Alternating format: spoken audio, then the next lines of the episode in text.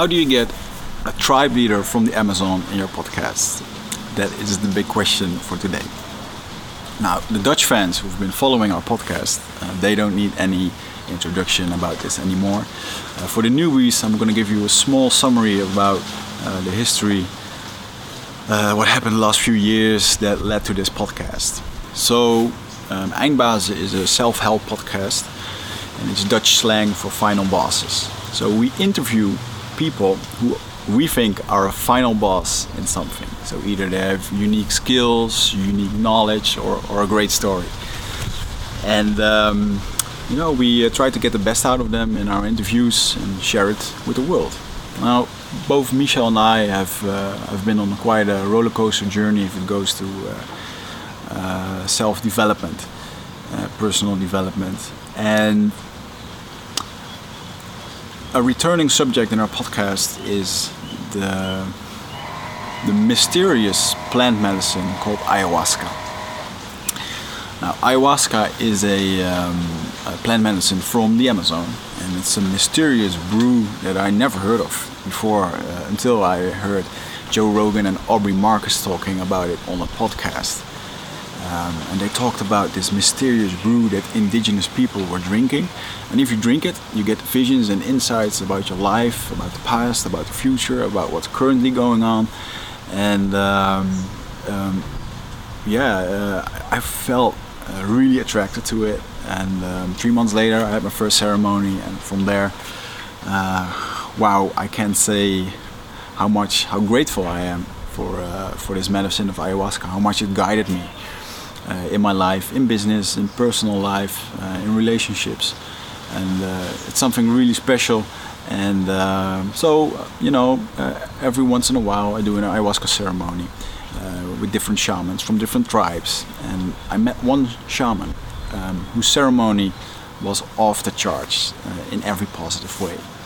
And uh, during that ceremony, I also got the call to uh, visit the Amazon, go to the Amazon, go to him and his tribe and uh, you know half a year half year later I uh, I went. That was in September 2016 it's a little bit more than one year ago. And my goal there was to uh, participate in an ancient tradition called a plant diet. And uh, so I went. I went six weeks living with the Indians and uh, imagine a place where there is no electricity uh, there's no internet there's no phone there's nothing and uh, it was beautiful to uh, to witness these people living in harmony with nature and, and with each other as a real tribe. And it's something we often have long forgotten in this western society. So uh, there's no social media there are no televisions and all the bullshit that we uh, that's going around here. And uh, that is all happening here.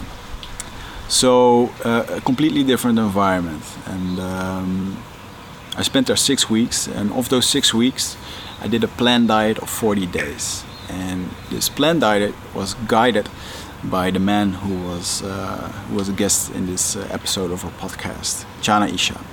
He's a tribe leader and he's a shaman, and um, he guided me through my diet. I spent 40 days in the in the forest, uh, isolated from the rest of the world. I was not allowed to drink water, no sugar. Um, no salt and no meat. And um, you know, in this plant diet, you um, the shaman picks a plant for you, and uh, this plant is going to help you with stuff that uh, that you need the most. It can be physical. Um, physical illness, it can be uh, mental problems, or uh, if you want spiritual growth, and uh, that's something that they can uh, can provide with these plants. So uh, I did this diet, and uh, on my first ayahuasca session in the village, the, the medicine of ayahuasca really gave me my mission, which is to learn the world again, what it is to be a pure human being, because that is really what I saw with these with these Indians.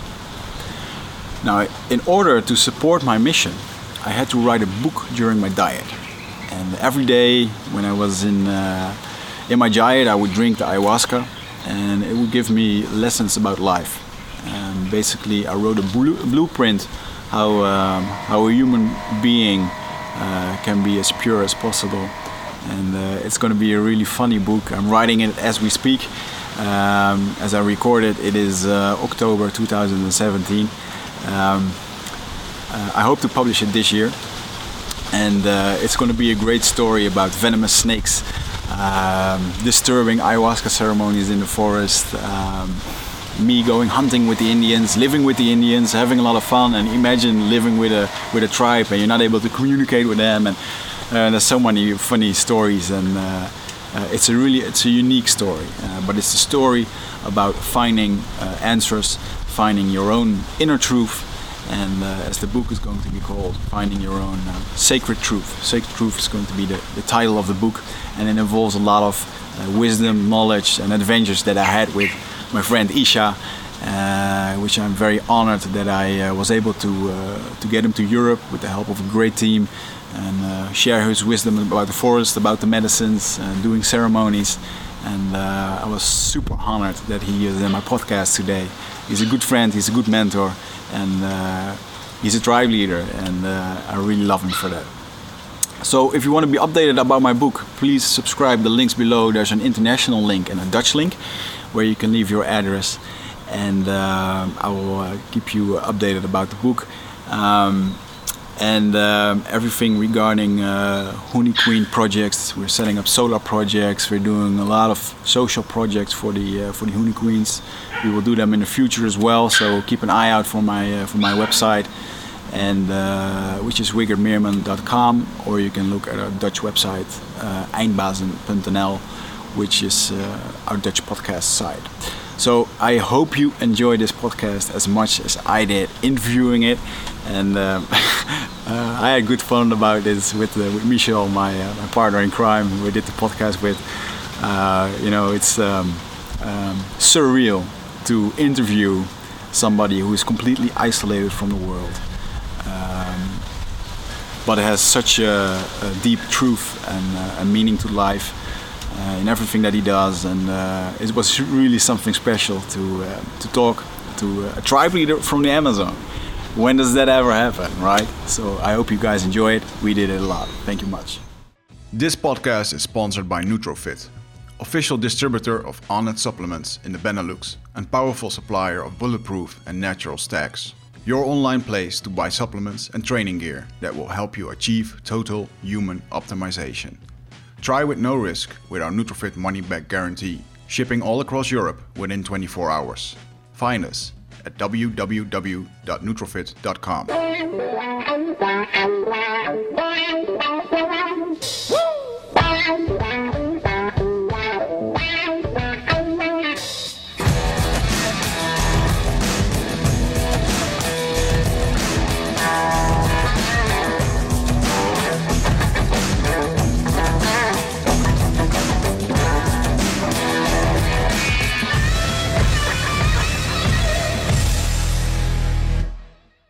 So I'm really excited for today because um, you know when we started this journey with uh, podcasting, uh, for me it really started with um, a conversation between Aubrey Marcus and Joe Rogan, talking about plant medicines and his adventures to uh, to Peru.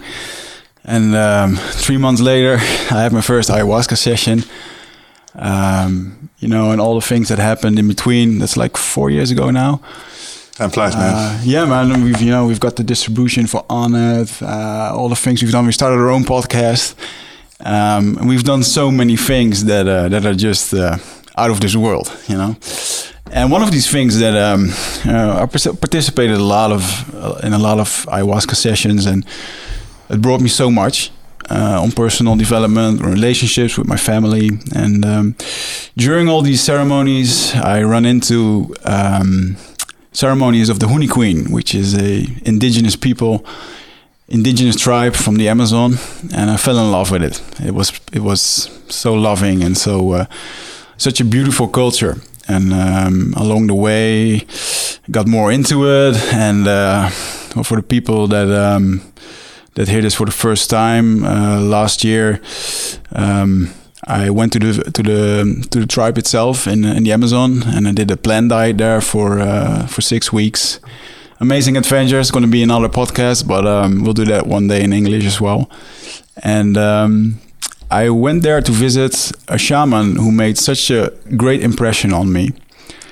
Um, it was in January last year, where um, it, it made such an impact on me. The whole uh, ayahuasca ceremony was so powerful and so life changing that I felt that I had to go to the Amazon and uh, go for the deeper work. And well, that's a planned diet. We'll go on to that later. And um, you know, it's been weird ever since. Uh, I wrote a book during my diet. I've been on television about it. Uh, the podcast took off uh, uh about the subject, and um, it's a crazy world, man. Because right now we're sitting in the studio, and the shaman and the tribe leader who lives there with no electricity, no internet whatsoever, is in our studio today. so uh, this is really weird. And um, I'd like to introduce um, uh, Chris. Also, you see him next to Michel. Chris uh, helps me out um, with translations and um, um, during ceremonies because we're here with Isha and uh, traveling in Europe. He's spreading his knowledge and his um, his wisdom and it's been great. It's been a great run so far. We've been busy for a few months. Um, he's about one week from getting home again and spent four months away from his family. Uh, so we do this with a great team from Europe, and um, I'm really happy that uh, we could finish here in this podcast. So um, it's going to be a lot of translation for you, uh, Chris. Um, yo, no we gave you enough on. coffee, so you'll be all right. and um, yeah, where do we start? I mean, uh, maybe you uh, want to ask if Isha uh, wants to introduce himself a little bit. Então, Chay, a gente está gravando, né? E agora, se você quiser se apresentar. É, então, meu nome é Chana Isha, né? My name is Chana Isha. É, povo Runicuim, lá da Amazônia. I'm from the Runicuim people in the Amazon forest. É, vivo no meio da floresta entre a limite a fronteira Brasil-Peru. I live in the in the forest on the border to uh, between Brazil and Peru. É, temos 4 mil habitantes povo Runicuim. We have around 4,000 uh, people, uh, inhabitants, Runicuim inhabitants. É, eu estou aqui apresentando esse meu povo, né? I'm here representing my people. É, meu povo Runicuim. My people, the Runicuim people. Eu estou aqui com Chai, né? Com Chai Bishinawa. I'm here together with Bishinawa, who came to visit me in the forest. Eh, é, através dele que eu estou aqui. It's because of him that I'm here today. Que ele foi na minha aldeia e voltou, eu estou com ele aqui. And he he went to my village and I came back with him. É, também quero agradecer o, o, o Chai Cristiano, né? Also, I would like to thank Chai Cristiano, who's here translating. É, ele já foi também na, na, na, minha aldeia e, e hoje eu estou com ele. He also visited my uh, village several times and uh, today we're together. Eu quero agradecer o Chai. Michel. Michel, estou aqui gravando, né? É, I'd like to thank uh, Chai Michel, who is uh, helping to make this uh, recording possible. Welcome.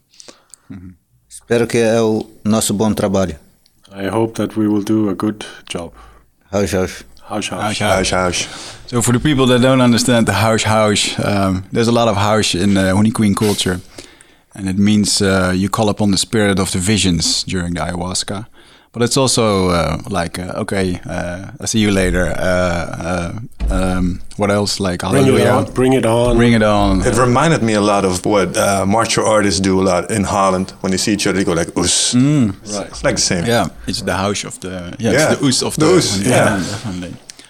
So, um, I, you know, a lot of people, when I give lectures, they have no idea what life is in the forest. And you've been there and I remember uh, five years ago when I met you for the first time, you just came out of the forest and you had this look of a child in your eyes, this fairy tale kind of glow, and he was telling about the forest, how beautiful it was, and I, I couldn't really imagine it. If you haven't been there, you know, there's no way to imagine it, and um, but it was true. yeah, I think I have the same glow in my eyes, and uh, yeah, I fell in love with it, with the culture, and um, so, um, can you ask him what life was for him when he used to grow up in the forest, and um, what, what was life back then? Because right now he's 48 years old, and uh, yeah, really interested in that. Você pode é, explicar pra gente como, como, como que era para você crescer quando você era jovem, né, crescendo na floresta? Como era a vida lá? É, tempo, tempo eu era criança, é, é muito difícil. Pensava que só, só era Rony Queen que mora na floresta. When I was a child, I, I lived in the forest and I thought it was only the only people in the world was the Queen people in the forest. É, só existia Rony Queen, né? Não tem contato com esses povo brasileiro, né? Only only the Queen people existed and I didn't have contact to any people outside my tribe. Isso é, eu, eu senti primeiro, né? E depois disso, com, com 15 anos, com, com 15 anos, eu comecei a ter esse contato de, de, com, com os povos brasileiros. And, uh, and so we lived without contact, and, and when I was 15 years old, I made my first contact to the world outside. Isso, isso é, foi iniciado só Rony Queen, né? E hoje está entrando cada vez mais é, com conhecimento, né? Com assim, como você tá tá entrando tudo no né? mundo. No mundo. De primeiro não tinha contato de nada, eu sentia isso. E hoje tá, o mundo era diferente, né? Primeiro era difícil, não, não tem contato com ninguém, só Runicuim mesmo, né? muita migração, né? Não, não, não tinha nada de, de barulho de, de máquina. So, so it was very difficult back then when we didn't have any contact and uh, there was no noise from the world outside, no machines, no cars, nothing like this. And today we are expanding and spreading our our wisdom to the world, so everything has changed a lot. É, não, não tinha não tinha sabão nem sal nem esses combustíveis. We didn't have fuel, petrol. We didn't have soap. We didn't have salt. É, tudo, tudo é natural, tudo é de lá mesmo. Everything was natural and from the forest. Nós usava luz de, de, de borracha. We used to make light out of uh, da rubber. seringa. E sabão usava de casca de árvore também. So we used to make lights out of rubber from the rubber trees, and because this rubber can burn, and we used to use this to make light in the night. O sal é, é só pimenta, nada de sal. Não, não And- tem sal. And salt, we, we could use only chilies to, to flavor our food, and we would use the bark from a tree to wash our skin. E, e a casa não tem soalho, só, só o chão mesmo, cobertura de palha. And we used to live directly on the floor, uh, just covered by uh, leaves from the a, coke, a, a palm tree. E trabalho é plantação, né? Caçar, pescar, plantar. We used to work in the fields every day and, and grow our own crops and go hunting in the forest and fishing in the river. E fazendo essa alegria de festival, né? Batismo, alegria, é, chamar a força do legume. Era isso, o trabalho. dos- And then and we used to have several types of festivals. For example, the festival of the veg- veg- vegetables, and uh, we would have that when we would plant our vegetables. And we the festival of the ba- baptism for for young children.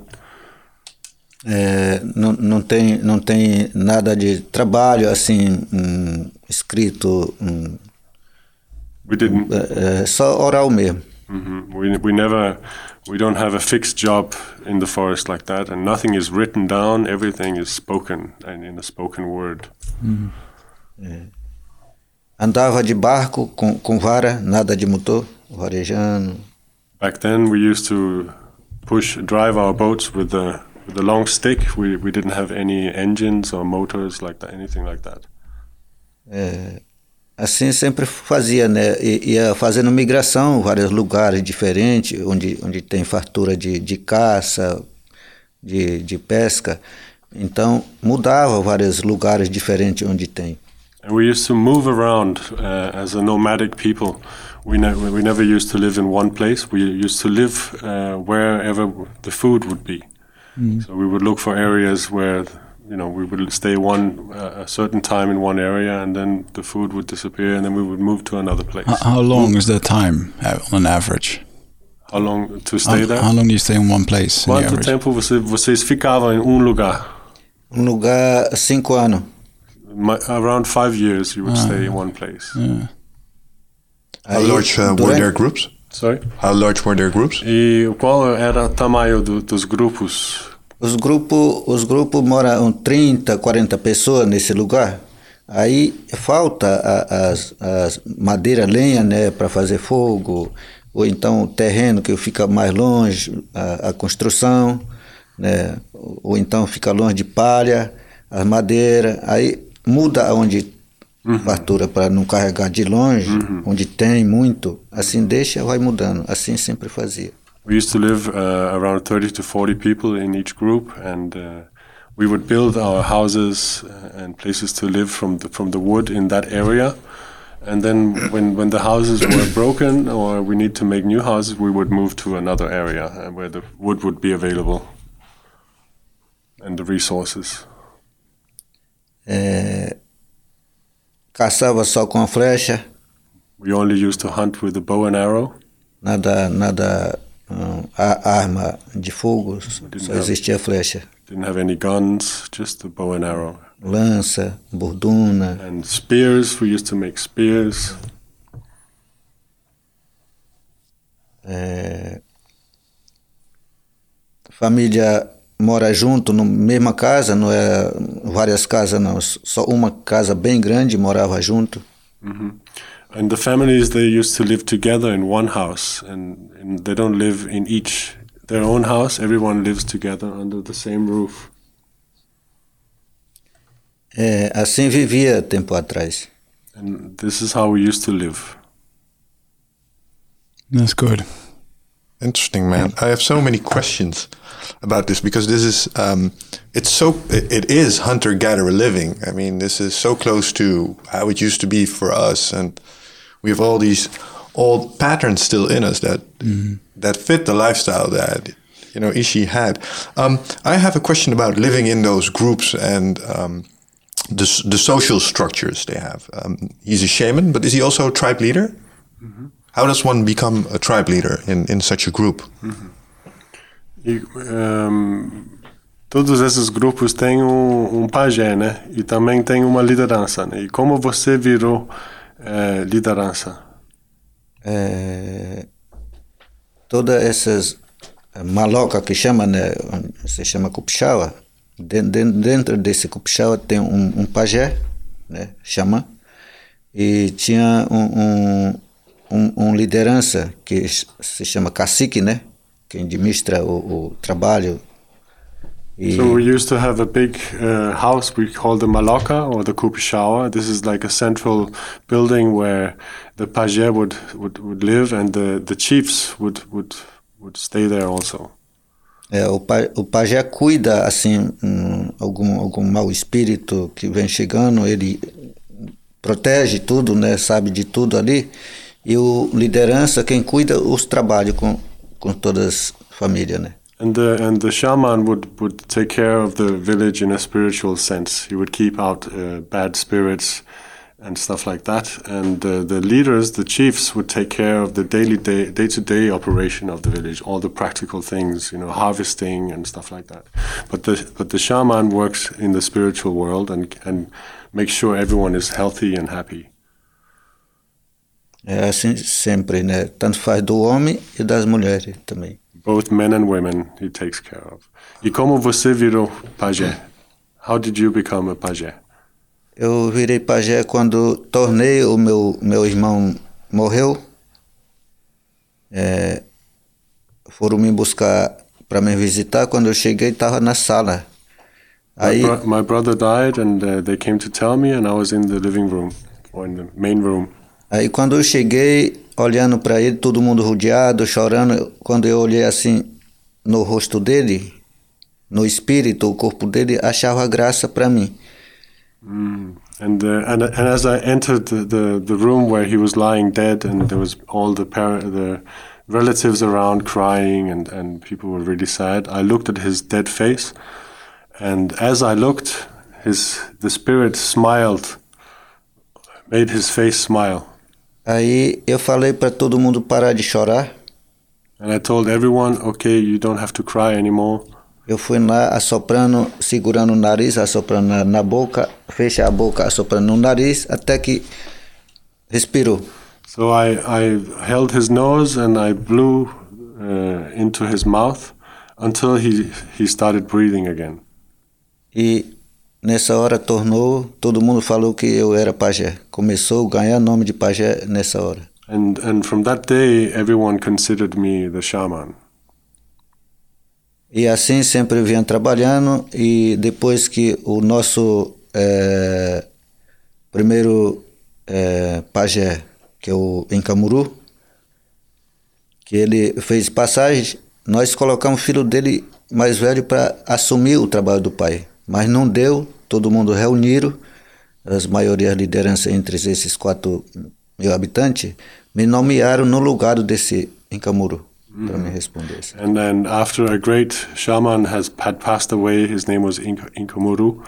Uh, they tried to, they wanted to, his son to take over his responsibilities, but uh, in the end, uh, I was selected because the, the the, the his son could not take over the responsibilities, and then I was selected to be the shaman of, of the of the tribe. I have a, a, another question about uh, becoming the shaman. Is it something in these villages that uh, goes from father to son because um, they sort of inherit it, or is it because the father has taught the son, or is it also possible that, for instance, another son can be taught by a man and he then becomes the shaman? Is it a matter of talent fits what you want to do in the group? Um, essa coisa de virar pajé, es- es- essa força está passado eh, de pai para o filho, ou pode ser outro, outra pessoa e não precisa ser parente mesmo, ou como que é, eh, como que é para virar pajé, assim, é uma coisa que está passado um por outro, ou pode escolher outro que não é parente. É, negócio de pajé não é pessoa que quer fazer colocar pajé não. Pajé nasceu com, com esse trabalho, né? Vem trabalhando e todo mundo vê que era ele, pode ser trabalhado. Se você escolher pensando que pajé, não adianta também. Tem que ser iniciado desde nascido. Isso é, todo mundo sabe que era ele, né? Já faz, já está sabendo como fazer tudo. Não é todos que faz isso, não é todos que tem esse conhecimento. So to become a pasha is not is not a choice, and and and you know it's something you're born to become, and you're born with this with this uh, task in your life. And when you're born, people will recognize they will recognize the the paje in the village, and then they will know that he's the next one. É por, é por isso que não é todos pajé, So for, it's not everyone who can be a paje. é porque tem algumas pessoas que é o pajé nasceu próprio para isso, sabe as coisas para fazer, trabalha com esse caminho, né? Como fosse eu eu tenho esse dom de conhecimento de conhecedor da medicina, né? Todas medicina posso é, ajudar outra pessoa com essas plantas, é, com essas é, nossa medicina ayahuasca, né? Toma, às vezes com canto de cura, canta. Isso tudo tem que ter uma pessoa. So a shaman is born with with the capabilities to work with plant medicines and to sing the songs, and it's it's already in his his system from birth. Mm-hmm. So and and since he's born, he starts to to develop these skills and and to work with people to heal people in his village. I see. And, and do they see it the same for other professions? E assim é, é igual para outras profissões, por exemplo, outros lugares, outras profissões dentro da aldeia. Tipo, um professor, por exemplo, ele é nascido como professor ou é uma coisa que pode eh, ensinar? O professor é nascido nascido para ser ser daquela pessoa, né? Não é não é ele que está estudando, aprendendo não. E o Shibu já deu para ser daquele jeito, vai fazendo, né? Se for professor, tem que aprender para estudar, para ensinar para outra pessoa. Isso já foi dado para uhum. aquele pensamento para aquela pessoa. Então tá dando, então é dele mesmo para aquele dom, né? So the Great Spirit uh, is organizing all these things before we are born. And if you're to become a teacher, you will know, and then you will have the abilities to become a teacher. But the Great Spirit has already decided this before you're born. All right. Yeah. It's very clear. so, if we talk about um, becoming a, a shaman, um, uh, well, you and I have both been in a, in a plant diet. I respect Chris a lot because he done something that not many people do. You spend three months in the forest doing one of the toughest diets. Uh, the diet you have to one of the diets you can take before uh, being able to give ayahuasca to other people uh, in their culture. It's a three month diet. Otherwise, you're uh, you're not able to handle that. And um, uh, I've been to the same place where you've been, and uh, I spent there six weeks. So my head is off to you, doing double time. I will do it one day. Um, but can you ask him? um, why is it so important to do um, for example you can do ayahuasca it's an introduction to the medicine but if you want to do if you want to work with the medicine you have to do plant diets can you ask him uh, what is the purpose of these diets in his in his view for becoming a shaman Para alguém virar pajé, é, essa pessoa tem que passar pelas várias dietas, né, e várias coisas. É, e, e para que serve essas dietas? É, sim, essa essa dieta é obrigação dos caminhos dos pajé, né? É, como já tem esse dom, vai fazendo esse trabalho de dieta, buscando esse conhecimento. Não é todos que aguentam. É, a dieta, o que você quer ser. Pode pedir aquelas plantas ou então é, outras. Mais, Para que você quer ser? É, o Pode que ser qualquer sim, coisa. Qualquer coisa. Não é ele que vai dar. Não. Não é assim como a medicina toma, traz miração, não. Você deseja o que você quer. So with with the with the different diets, you decide what you want the focus and the intention of the diet to be. Mm-hmm. So if you want to be a shaman, this is your this is your intention with the diet, and this is with this you you dive into the diet. And, but you can also use the diet to become a carpenter mm. or any other profession. So it's some, uh, something you will start developing. And it's a personal development tool. It's personal choice. development, yes, yeah. to, to be able to to use your full potential. So, um, for, for the people that don't understand diets, like usually when I talk about this, they're like, "Oh, so you can only eat vegetables?" Uh, it's different. Like um, you're isolated, uh, you're being kept away from uh, from the crowd. No sex allowed. No sugar. No salt.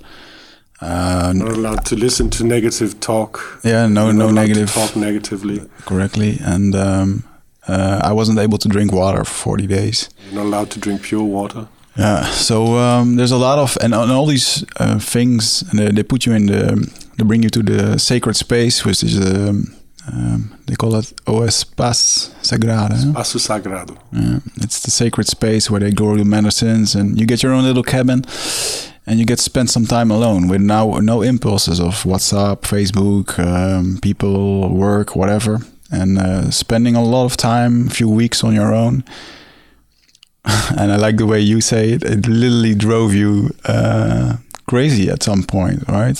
Yes, and then uh, turns you upside down because at one point I, I really recognized that after a few weeks you get very aware of your own thoughts, of your uh, your feelings, and I started talking to myself because um, I was so bored out, and you know, just what are you doing in the jungle, and it's so confronting because people don't understand you can do a jungle tour in Thailand on an elephant. That's not spending uh, a time in the jungle as they do. It's really rough environment. First day, the first three days in the in the sacred space, I saw three snakes, and uh, it's really hard to um, to move around in the jungle to survive. So it's really confronting because this jungle it doesn't give anything about your money, about your problems, about your ego, about, and it will swallow you uh, like nothing. And uh, that's something that you will understand within the first two weeks when you're there, and uh, that makes you really humble to nature and uh, what what's going on there. So um, I, I'm really wondering, like, um, how did uh, a lot of our listeners they uh, they followed my uh, my journey in in the forest, and I'm really wondering um, how he experienced me in that forest, coming there and going out. I never was able to talk about it with him, so uh, this is my moment. é, o Thiago, ele está perguntando, é, ele quer muito saber é, como você percebeu ele chegando na floresta, né? Como você percebeu um gringo né, na UA chegando, ficando na, na sua floresta, na, na seu espaço sagrado, fazendo dieta, fazendo tudo que esse, esse gringo faz, né? E como você se sente com essa pessoa que vem? E... É, eu eu senti assim como fosse tá querendo entender a, a conexão da, da floresta, né, com a feel, tradição uh, ancestrais. I can feel that uh, it's a person that wants to to get to know my forest and to to get to know the traditions of my people. E tem esse, esse tipo de conhecimento, é por isso que está buscando esse conhecimento, né? Então, alguém está chegando buscar algumas coisas, está tá chegando precisando algumas coisas, né? Então, uhum. isso eu senti que está querendo buscar esse conhecimento dos ancestrais que existe na floresta. I, I feel that uh, that he came to the forest to to search for something, to to learn something, to to seek wisdom from the from our ancestors. So he, he comes to the forest because he, he needs something. Mm. Is that true? Definitely, yeah. Mm. yeah. Really, um, uh, really weird experience. Um, uh, Isha didn't ask a lot of questions when I was there, and um, I kind of had this thing like, oh, I'm gonna be uh, have like a special treatment there because I'm Western guy but he started my diet and then uh, he kind of left me on my own. uh, yeah. You know, it's just, and you have to do it. You drink lots of medicine. Uh, I drunk more, I drank 30 times ayahuasca and, uh, in 30 days. Um, so it really turned me upside down and um, you just spend time alone and you get comfortable with being alone as well. So, uh, yeah, definitely.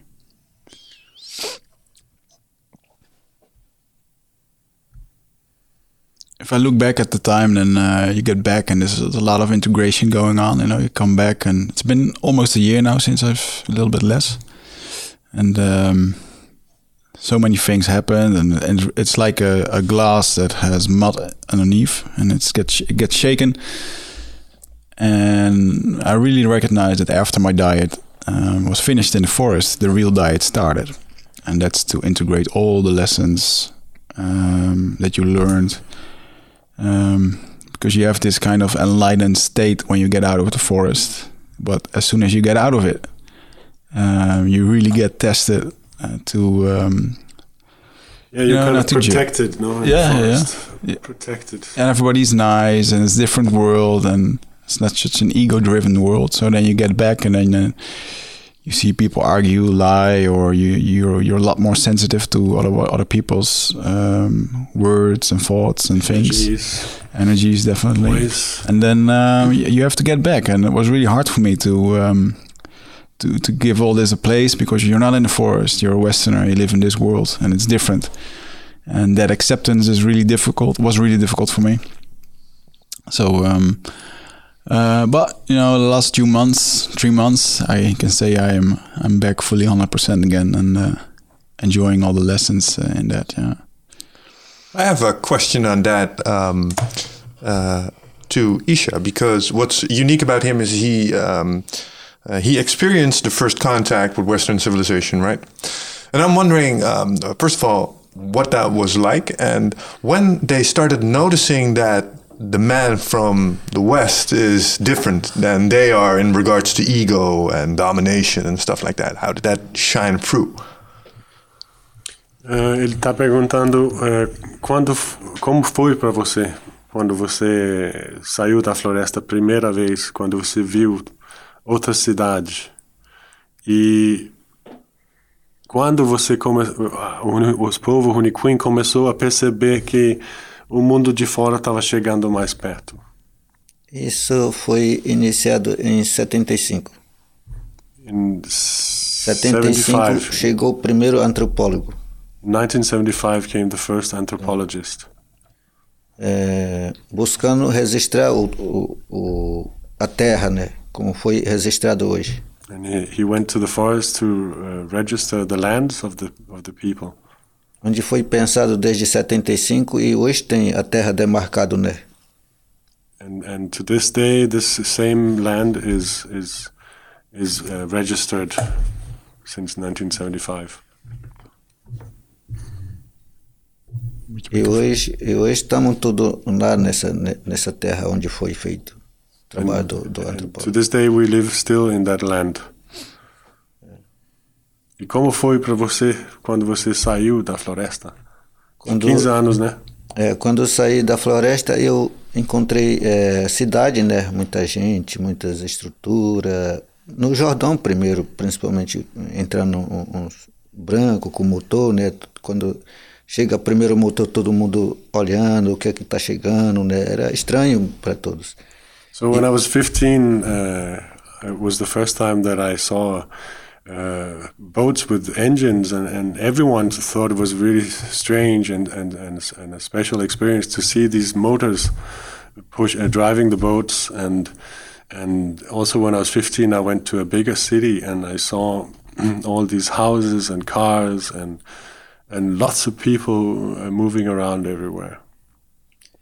É, assim, vendo, eu, tendo os material, né, o barco, motor, começou a entrar com, com esse barco, motor, que vemos primeira viagem na, na cidade de Tarauacá, né?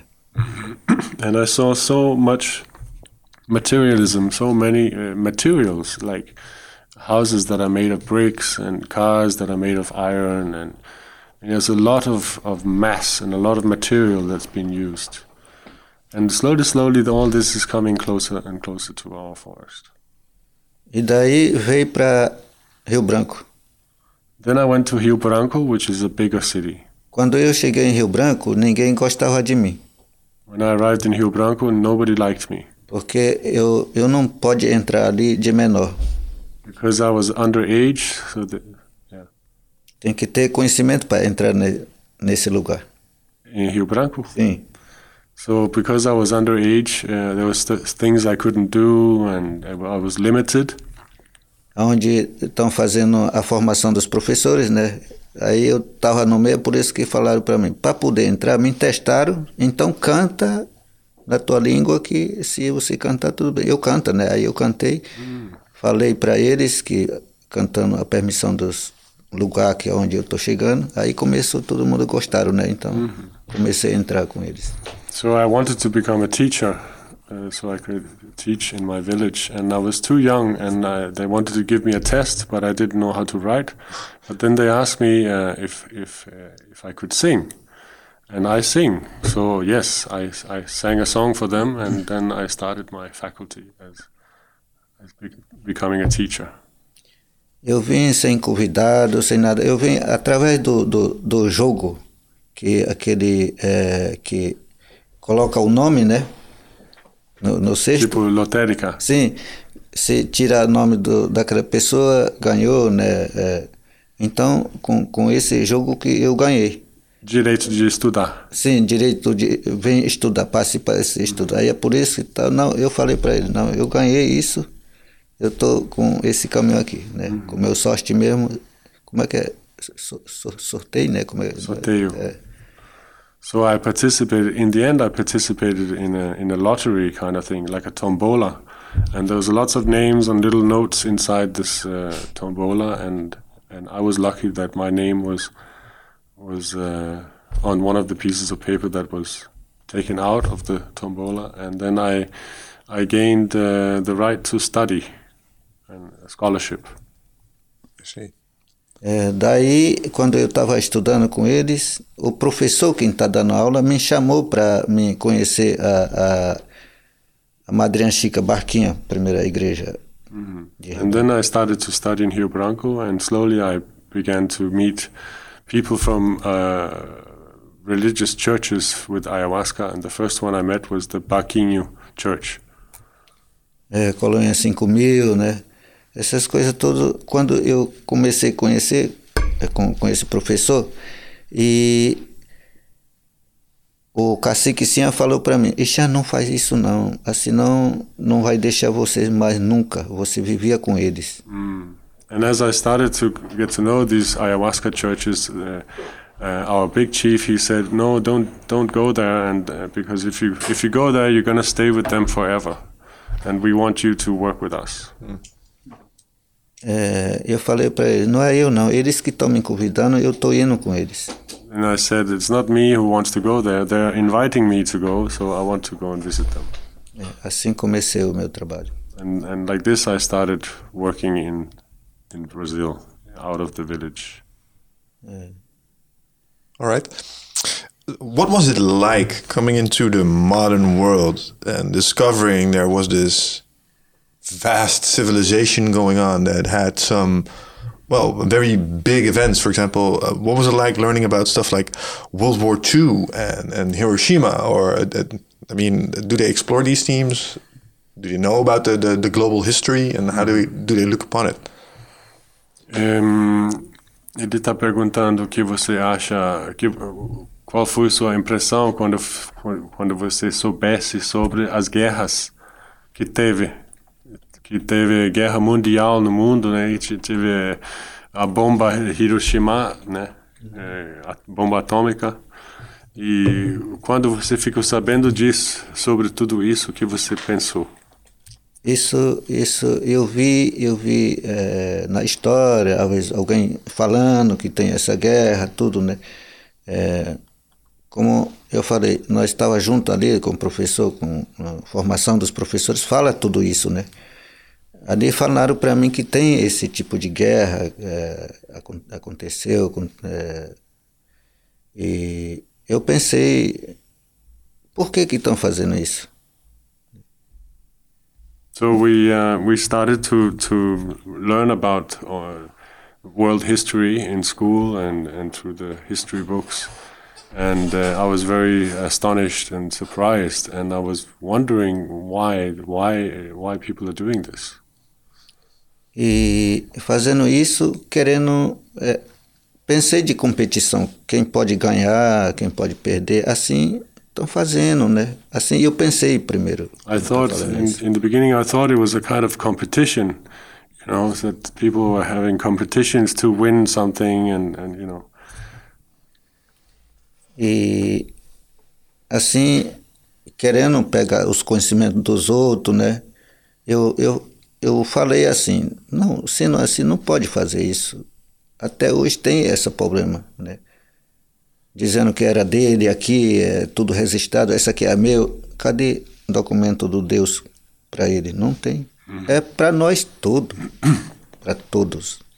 So I also realized that uh, that the wars and, and the fighting was going on over wisdom and knowledge, and uh, and and as far as I'm concerned, uh, God he he didn't uh, give a contract to certain groups of people for to having the rights to to these certain uh, uh, knowledges or or riches.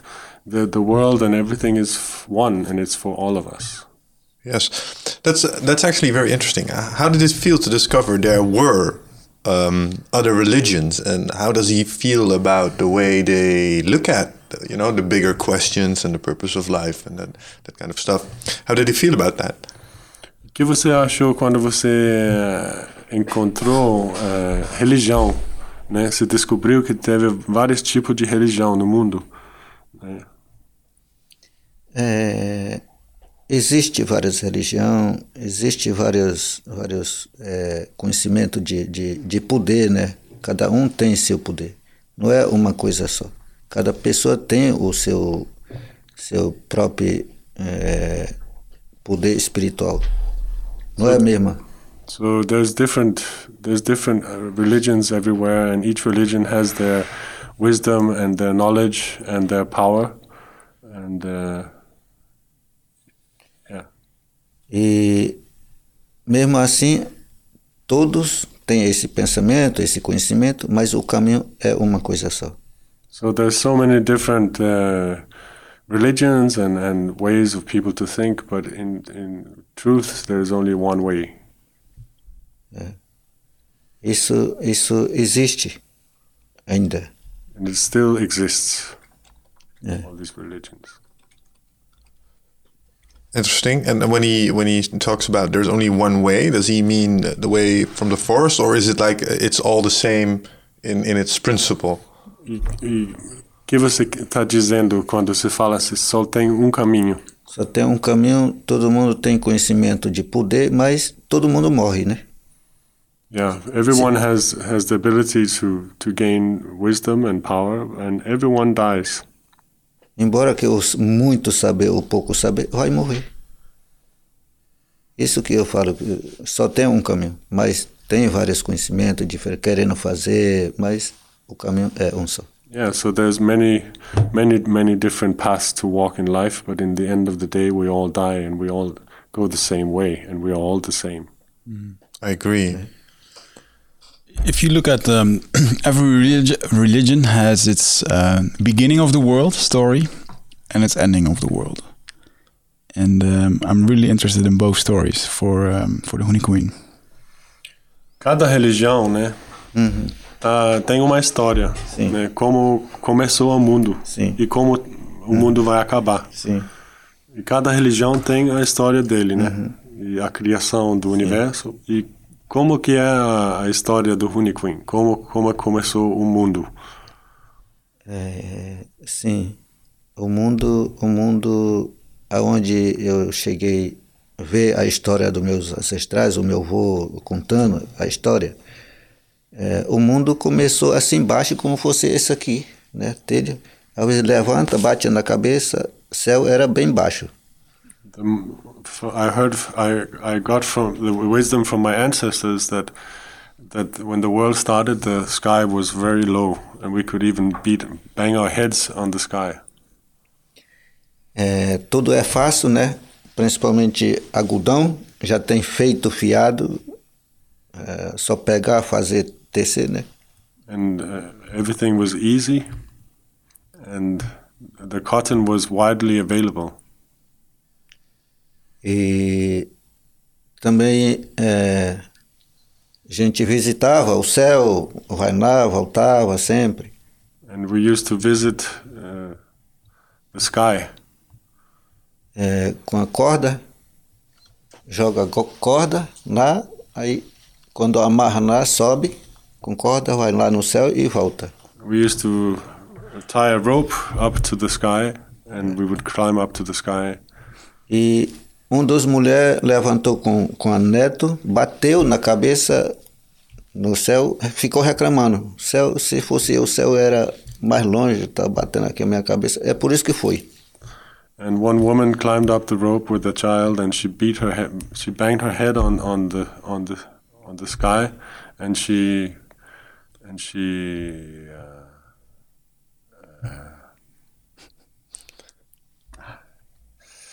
Uh, Bateu na cabeça. yeah, she hit céu. her head on the sky, Aí ficou reclamando.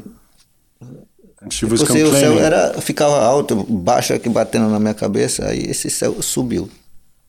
And she, and she started complaining. And aí no final ela subiu. Subiu. She complained because she she hit her head, and in the end she made it up to the sky. E começou, por isso que subiu, escureceu. Quando subiu, escureceu tudo. And when she came up there, everything went dark. Aí é, o primeiro, primeiro pessoa, escure, ah, como escureceu, ele fez fogo para clarear. Esse, esse quem fez fogo que ficou o sol. Ah, and the and and then it became dark, and and the the first person who created the fire became the sun. Querendo clarear, fez fogo, virou o sol, né? And he wanted things to clear up, so he created the fire, and then he became the sun.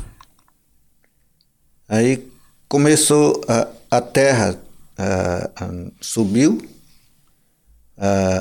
o, o céu, né? Abriu, escureceu tudo, juntou, além de esse escuro, juntou essa terra. So it, up in the sky it became dark, and then uh, all the earth started to to come together. Aí começaram, esse, essas pessoas não, não, não, não tem sexo, não tem nada conhecimento, só pessoas mesmo que foi transformado pelo é, terra, né? And then from the earth people were transformed into people. E, e eles começaram a tentar entender como é que faz para a criação da, da, da, da, pessoa, né? Como é que podemos fazer tal. Tinha a mulher a, a, o negócio dela e o homem tem. Nunca fizeram, pensando que era, era ferida, né? Fazia todo tipo de medicina para sarar, mas nunca sarou. And so uh, a man and woman was created out of the earth, and, and they had all their sexual uh, organs and everything, but they didn't know what to use it for, and they tried all kinds of medicines to to heal it. I thought it was wounds. E quando fazia gente, matava porco, é, onça, anta, misturava sangue. E hoje por isso que tem esse nome de é, vários nomes, é, Yawabanu, que era o sangue do porco, né? é, viado, tudo misturado ali para transformar a pessoa. Quando transformou, pensando que é essa doença, curando, tentando curar há muito tempo, e até que chegou a conhecer com o macaco. O macaco transava, né? Aí viu, né? foi buscar medicina, viu esse macaco transando, correu, pegou, começou a transar. Uhum. E esse homem começou, mesmo um dia, transou com tudo, com todas as mulheres que nunca foi uhum. feito. Eu quero fazer também, eu quero, eu quero fazer também. Todo mundo fazendo. No último, fazendo bem novinha, foi esse esse cara quem está fazendo isso. And they they hunted uh, many different types of animals and mixed their blood. That's why we have different uh, names, uh, animal names today, and we still use these animal names. Um, but but still, they didn't know how to reproduce. Uh, and then one day, uh, someone saw a monkey uh, reproducing, having having sex, and and then they, and then this person who saw that ran and and and had sex with all the females in the in the community. He got it. And then he got it. monkey see, monkey do. Yeah, monkey see, monkey do. nice. And so creation started. All right. É, assim, assim começou, né? Aí depois que fez isso, começaram a ter criança, filho, homem, mulher. E esse povo morreu através do água. Água levou tudo. tudo, matou tudo, tudo, tudo. Perdeu tudo, legume de novo. Segunda geração, né? Uhum. Não tem isso. And so they created a lot of, lots of children and people and families and and then there was a big flood and everyone died. And, and all the plants and vegetables died, everything died. Hum. E esse foi tudo, ficou três pessoas, quer dizer, é, na Paquetã, é, no Tabucum, né? Esses dois são mais poderosos, homem e a mulher, né? É, na Paquetã era é, irmão do, desse... É, então ficou dois irmãos e uma mulher? Sim. And, and Não, é, duas mulheres e um homem só. Ah, tá. Uh, everyone died except uh, two women and one man. É. E o único animal que ficou também nesse tempo, alagação tudo, era o macaco paroco. Que, que não morreu? Não morreu também. Ele sobreviveu, molhou até aqui, subiu o pescoço, aí a água desceu. Ah, and there was also a monkey that survived. and he managed to keep his head over the water. Esse Nauapactão aqui eu falo como fosse um, um, uma história do, do é, Noé, né? Quando, Noé. Noé. Como fosse a história do Noé. Ah, Noé. Esse Nauapactão, o nosso foi desse jeito também. A hora que tá enchendo tudo, levou todos uh, filhotes de animais lá, o lugar onde não subia água. And this is like our version of Noah's Ark. Yeah. So, so this this man who was who was left back, he gathered all the animals that were had survived, E foi lá e esse mulher poderosa saiu por cima do Samaúma que foi boiando, né? Um Samaúma caído assim perto, o rio encheu e saiu boiando, pulou em cima dessa Samaúma, essa mulher uma poderosa, mulher. uma mulher. No Tabacum, and one of the women she survived by jumping on a big tree, a samauma tree that was floating on the water. Quando, quando saiu, quando saiu, saiu é, cantando, né? And she was she went away singing. É, durante esse enchente, fica comendo esse é, pau, né? O, o samaúma comendo, por isso que sobreviveu, não tem nada comida, não, dorme ali mesmo. And she survived by by eating the tree from the tree.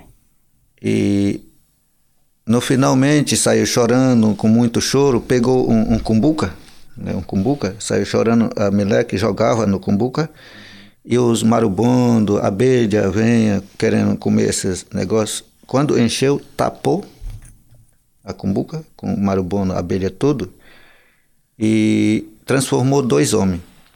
And uh, as she was uh, struggling and surviving, she started to cry, and she found a, a calabash, like a, a bowl, and she cried into the bowl, and all her teardrops went into the bowl, and lots of bees and, and insects came to, to drink from the from the tears. E essas essas e tornou dois homens, Sim, and the, all the teardrops became two men. Isso significa como fosse italiano, né? O povo italiano é, criou esse marubondo, então é, isso nós chama é, pessoa desse de- desse povo, quer dizer, né?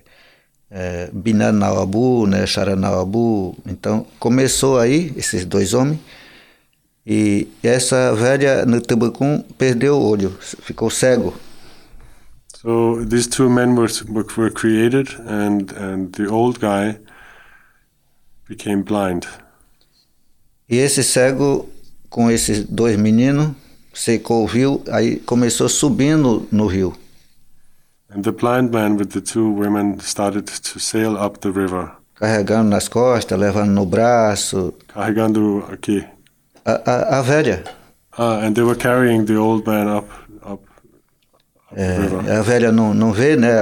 A abelha, a marbono comeu tudo. The bees and wasps had aí stung his eyes, levando. so he couldn't see anymore. E assim mesmo, com mão conhecia tudo. Chegou lá, primeiro pegaram a, a banana, folha de banana. Isso aqui é uma folha grande e As soon tudo. as they arrived, they took a big banana leaf, E ela falou, essa aqui é, é banana, vocês levam para plantar lá. and and she said that this was a banana, and, and now you can go and plant the banana. Quando a legume carregou tudo, ah, o, o rio carregou tudo, né? Saiu na beira do barranco, saiu ajuntando. The river brought lots of vegetables that were washed up on the shores, E não conseguiu eh, milho. but they couldn't find mice. Eh, chegou lá, saiu procurando esse eh, eh, Naopactuã, né? Ele sobreviveu. Não sei onde é que tá. Vamos subindo nesse cabeceira do rio que tá lá. So they went looking for one of the men, and uh, he had survived, and but they had it was very difficult for them to find him. Aí subindo o rio, chegou até onde é que tá. And then they went up the river, and then they found him. Encontraram ele, ele estava com, com a irmã, não pode fazer sexo com a irmã, fazer filho com a irmã. He was with his sister, and he can't he, he can't reproduce with his sister. Juntaram todos esses filhotes de animais They gathered all the the the, the animal children, uh, the Young, young animals. young animals. Nesse tempo ele estava batizando esse animal filhote para ter poderoso esse animal. And he started baptizing all these uh, animals. E chegou essa irmã no Tubucum com dois meninos que foi transformado. And then uh, Tutuberu Ele chegou? Ele, eh, ela chegou com dois meninos, né, que foi transformado debaixo do rio e chegou até onde está o, o Nau Paquetão, encontrou com eles. And then uh, a woman, uh, the, the two girls that were transformed arrived to where he was sitting. E quando encontrou batizando esse animal, né, e esse homem veio e falou para eles: "A minha irmã chegou, mas assim que chegou vai vai morrer". And as soon as she arrived, she died. Ele é poderoso, né? Quando falou isso, falou, né? Aí foi mesmo. Esse velho, quando chegou, foi. Esse Netubucum foi. And uh, not, not, not to entendendo. Netubucum morreu, né? Mhm. E quando morreu, ficou só esses dois homens que foi transformado. And in the end, there was only two men left that had been transformed. E esses dois homens, dois homens viu que esse Naopactão fez isso com a mãe. And these two guys had seen what Vingando a mãe, vingando a mãe, mataram ele também. Que era um, um dos orros grandes, arrastando o orro lá. Onde anda era tudo limpo. Aí passaram ah, ah, o veneno na flecha, colocaram na- no, no orro, jogaram lá em cima e encheu, morreu. E fi- esses dois homens ficaram com, com essa irmã que estava com, com ela. And, and so the two men uh, stayed with the two women that had, had come, had been transformed. Aí esses dois homens casou ah, com, com, com, só com uma, uma, uma mulher, né? Daí começaram a criar a outra família. And then they married and then they started to create new families. Yeah. Aí que começou o ah, segundo mundo, And né? so Trazendo started the new, legumes, the second uh, world. Interesting. It has, in that regard, it might sound a little um, confusing, but uh, basically what they're describing is the origins of mankind and how clans came to be, which is not that, that dissimilar from how the Bible in Genesis does it with all these families. And what I found very interesting is that they have these similarities across. Uh, if you take Christianity, for example, I've heard uh, a big flood, uh, I've heard baptism, so there are these Yeah, man. Themes that overlap. I find that very interesting. This big flood thing I'm going to send to Graham Hancock. Yeah, yeah, that's interesting. man. He's gonna like it. Well, what I was wondering though is because um, I've, I've been to uh, your ceremony and I heard you guys uh, invoke a certain spirit. And when I when Wigert came back from the jungle, he was talking about Yushibu a lot. So how does Yushibu fit into this bigger creation story? What's his What's his place in all this? E, e como que é a, a função do Yushibu dentro dessa história de criação? Qual, qual parte que ele faz? O Yushibu faz? E o Shibu, e o Shibu mesmo, esse que já foi feito é, tempo da transformação, né? Não é nós que fizemos, isso que é Yoshibu. Ele mesmo, como fosse a terra, água, floresta, né? Ah, sol, lua, esses que foi transformado, eles são Yoshibu. So Yushibu was created in the in the era of transformation, and was created by the sun and the earth and the moon and the stars. And Yushibu is that, is all that. The Creator of all. Esses são Yoshibu. And how does that? Um, if you, if you talk to other indigenous tribes, they talk about the concept of a, an Earth Mother a lot, uh, Gaia. Is, is this the same thing? Is, is Yushibu a female, or is it is it because I get the distinction when you talk about it, it's like a male energy? How does that work in this regard? E Yushibu é masculino ou feminino? Yoshibu é. Yoshibu tá dizendo tudo, tanto faz masculino feminino que tá falando, né? Yushibu is is in, is in every living thing, and it's either masculine or feminine. Tudo, tudo é Yoshibu, né? Tudo, não é só um. Falando todos que é Yoshibu, né? Como fosse. Para falar todos, tem que falar como fosse Deus, né? Tudo Deus que tá grande vivo. Yoshibu. Sim. Isso, como fosse a, a, a- falando de Deus. Yoshibu é isso, né? Para nós. So Yushibu is, is, is God, is the creator. And, All right. And Yushibu exists in all living things. Very good. So, Every- it's, everything that, that is alive. And what is Yushibu's relation to, um, for example, Mother Ayahuasca? Are those separate things? E qual é a diferença entre Yoshibu e uh, Mai Ayahuasca? É, esse Yoshibu nós não estamos vendo. Yoshibu we can't see. É, tá aqui com nós Yoshibu todo. Yoshibu is right here. E é só medicina que pode ver. Aí é por isso que tem que tomar para conexão com esse Yoshibu. Only the medicine can see Yoshibu. That's why we drink medicine so we can see Yoshibu. Quando você toma, traz, você vê tudo tá aqui, o mais longe. And, and Yoshibu will represent itself in many different Ele forms. que, ele que comunica com Yoshibu. Por isso que é, nós sempre tomar para saber com, como é que funciona com Yoshibu pelo mundo, né? So the medicine communicates with Yoshibu, with God. And when we drink the medicine, we also communicate through the medicine with God. And is it that when we drink ayahuasca that we change something within ourselves so that we can see or talk to Yushibu, or is it like um, something that helps you along? Ayahuasca has been described to me as an entity in itself that helps you on your journey. How do they regard ayahuasca? Is it, is it like you drink it and that's why you see it, or it is you take something in and it guides you along the way?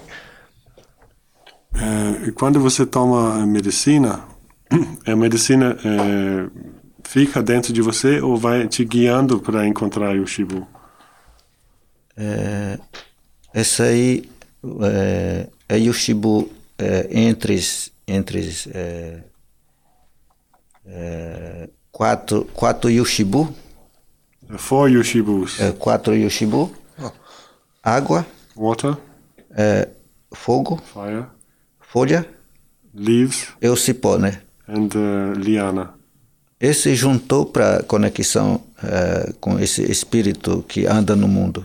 And the spirit gathered all these ingredients together. Aí quando toma, When que vai mostrar para você o que tá dando. And when you when you drink it, it will show you what you need to see. É, isso, isso se chama espírito da floresta. This is called the spirit of the forest. So if you um, uh, look at the, the medicine of ayahuasca, which is really important in their um, community, uh, I've heard of tribes drinking it three times a week. Um, they call themselves the children of ayahuasca. um,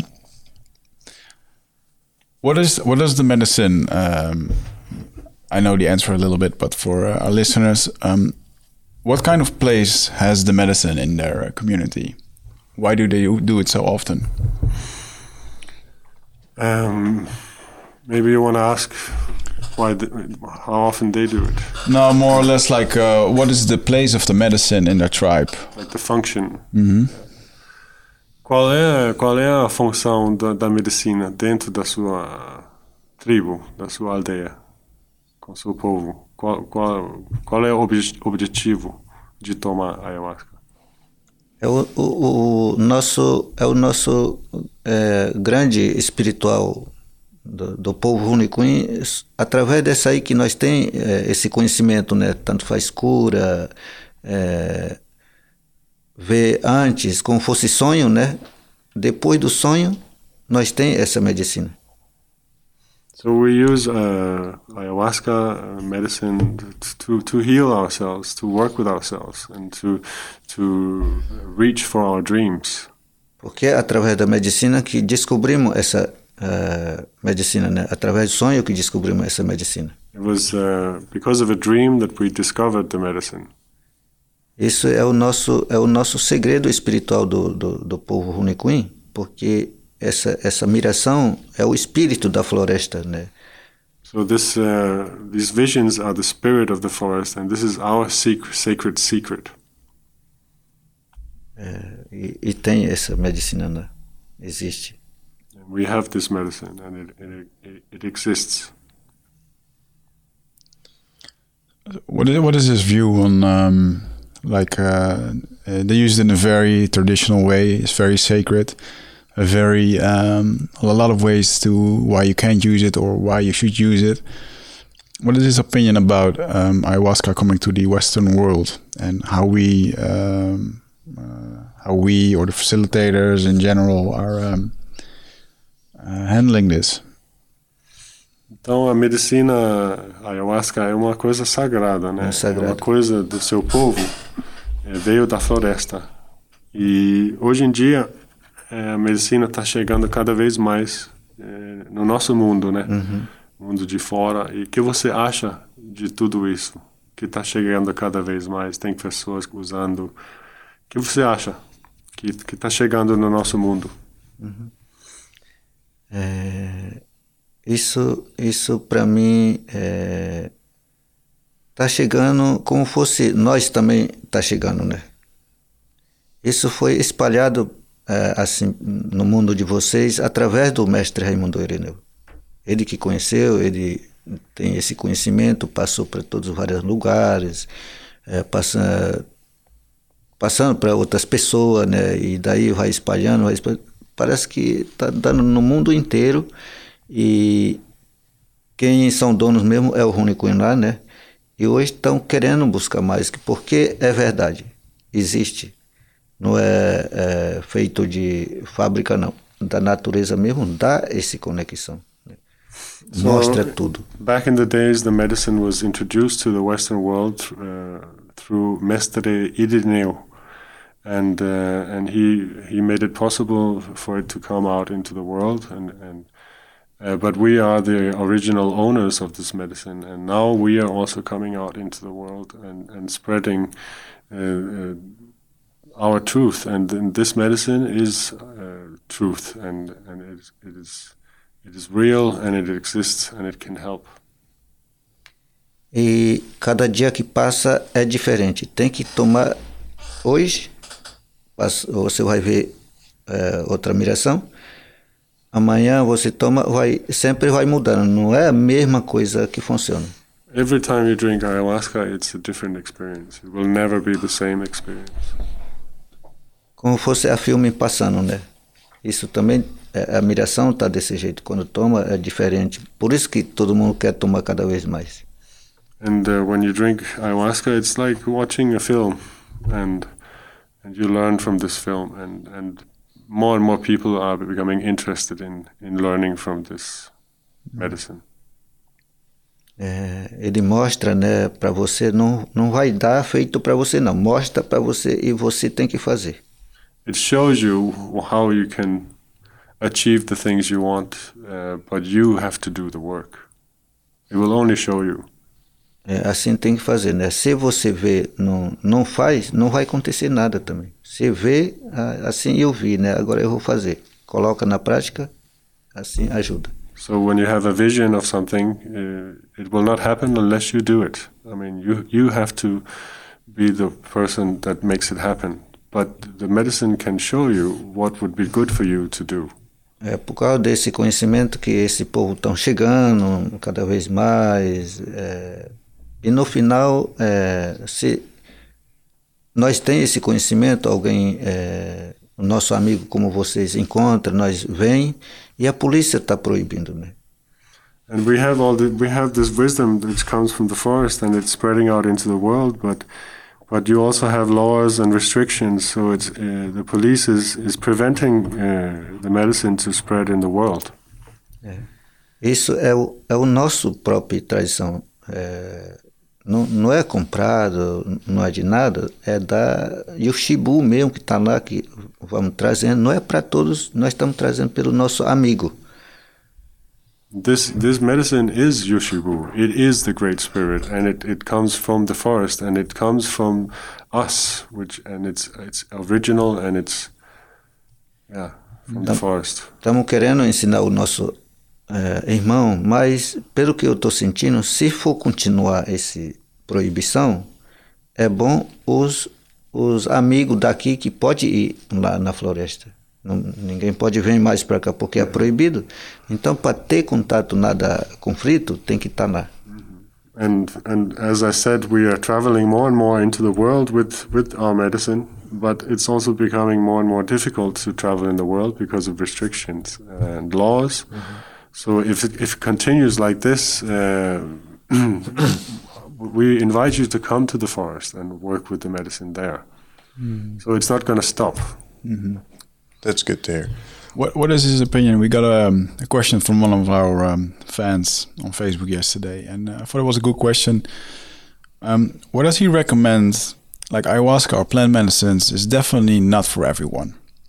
Uh, same as yoga, same as soccer or whatever.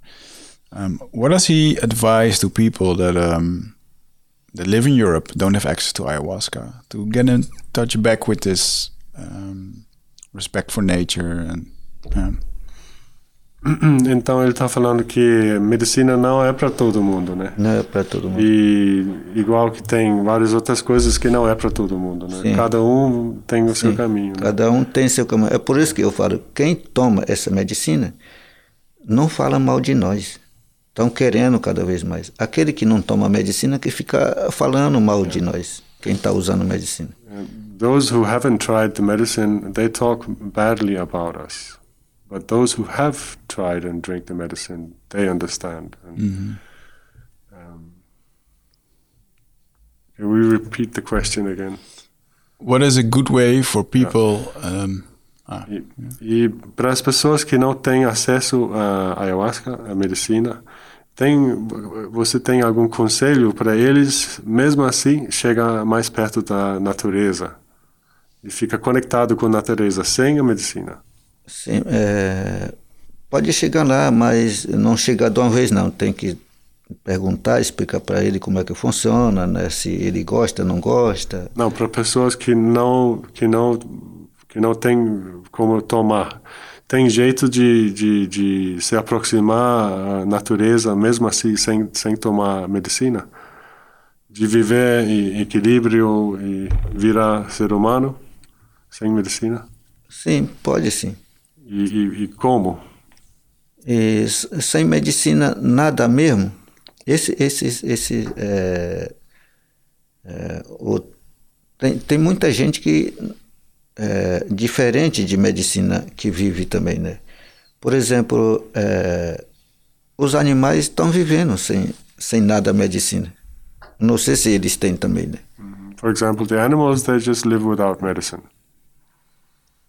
Mas and and and people mas tu sabe quando você toma medicina, né? Você você se sente conectado, né, com Sim. tudo, Sim. com outras pessoas, o mundo, né, tudo. Mas tem como fazer essa conexão sem tomar medicina? Ah, sem tomar medicina, né? A conexão sem tomar medicina não dá de fazer. It's possible to to have the same connection without drinking ayahuasca. Como? É, passa três dias sem dormir, você vai ver tudo. Primeira If you stay awake for three days without sleeping, it, you you are going in, in that in that direction. ah yeah, interesting Dat zouden we niet per definitie iedereen thuis aanraden. We wouldn't recommend this per se to No, everyone. but, it, but, it, but it comes back to becoming in an altered state Yeah, in a higher state Yeah. of consciousness Yeah, I can imagine. yeah, yeah, yeah. Começa a aparecer tudo ali. Uh, everything starts to reveal itself if you if you don't sleep for three days, Uma vez, é, sem comida também, or if you don't Right. eat. Yeah, fasting Fasting. for 40 days people do it porque eu, eu já vi esses dois, dois pastes, né? Eu já, eu já testei essa I, I tried it myself. So Not tried sleeping for three days. Not sleeping and tried to fast. And, yeah. How did that work out? E como foi para você, para fazer dieta e, e não dormir, por exemplo? Como foi? Não Isso- dormir três dias. O que aconteceu? Isso eu mesmo testei de fazer, né? Eu não vou dormir, não.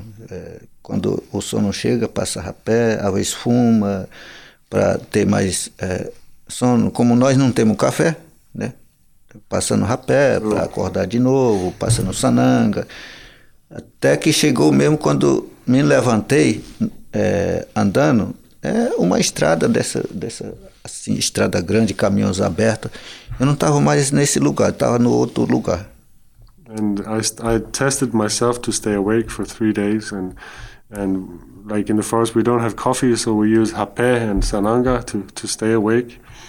But after after some days, uh, everything started to change. I was not no longer walking on the same road that I was walking on before, everything started to look different.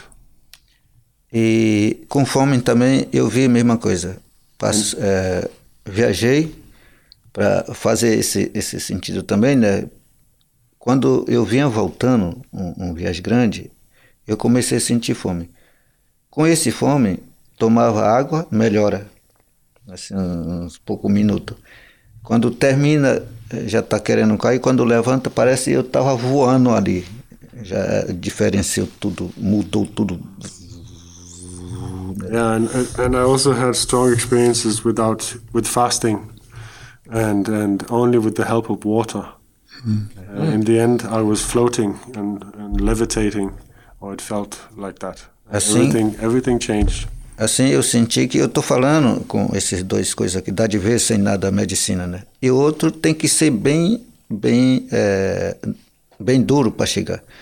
Nada, nada, é, como é que faz? Fechar o olho, né? Tem que segurar mesmo ali, olhando com muito tempo, você vai ver chegando a admiração, mudando ali, transformando, qualquer coisa, faz isso também.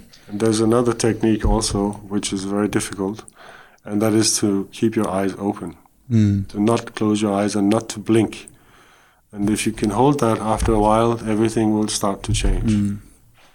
É I'm trying that right now, that's é por really. Que, é por isso que o olho pisca muita vez para nós não chegar enxergar. Aí sempre perde, né? Agora chega abrindo reto mesmo, vai ver muitas coisas. Uma coisa vai transformar muita coisa.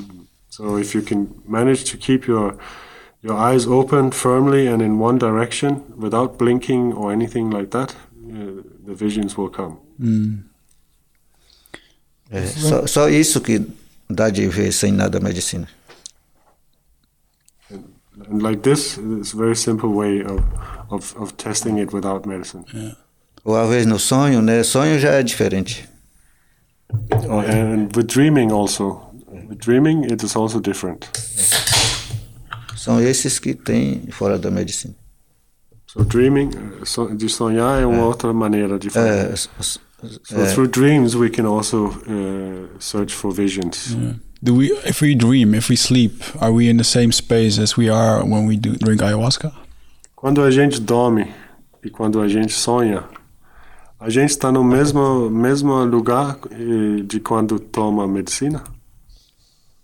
já, já é diferente. No, it's not exactly the same place. Porque ali você está vivo mesmo. A medicina você está ali é, misturado, tremendo, aquela força toda. Né? O sonho não, o sonho está tranquilo ali. Yeah, because when you drink uh, ayahuasca, you you mix something into your into your being, and in the dream, you are not mixed with anything. It's it's, it's it's a different different state. O sonho, próprio espírito mesmo está trabalhando. And, and in the in our sleep, it's our own spirit that's working. Ah, okay. Porque o corpo não sabe, né? Está ali, dormiu, o espírito que funciona isso. The body doesn't know what's going on, but uh, when we dream, the spirit is, is working with us, and the body is sleeping, and it's it's not active. I have a question about um, these medicines and uh, taking them to the West. What is their main um, goal? What is their motivation to come here with the medicine? Is it because they have this sense of altruism that we need to heal the world, or maybe there's a sense of self preservation because obviously, as he said, they can see the West sort of gaining territory, and, and I expect they um, see in their close vicinity the results of, for example, climate ch- uh, climate change, global warming, stuff like that. Um, what's the main thing they're trying to accomplish with the medicine in the West? Qual é obje- o objetivo de vocês eh, trazer medicina para cá e fazer os trabalhos aqui? É o objetivo é, para ajudar o mundo ou é o objetivo para preservar a sua própria eh, tribo? Ou qual é o objetivo de, de espalhar essa sabedoria de vocês? Por quê? Essa medicina que sempre nós traz aqui, é, como eu falei, não é eu que estou trazendo. Outra pessoa já tem conhecimento, está pedindo para me trazer essa medicina, né? É, quando, quando traz aqui, é, às vezes, assim como nós estamos falando, estamos pensando com o nosso pensamento que será que vai dar certo e assim vai dar certo. Já fez, às vezes já tem conhecimento de fazer uma vez, duas vezes, às vezes já fez muita vez. Tem essa confiança que pode fazer, né?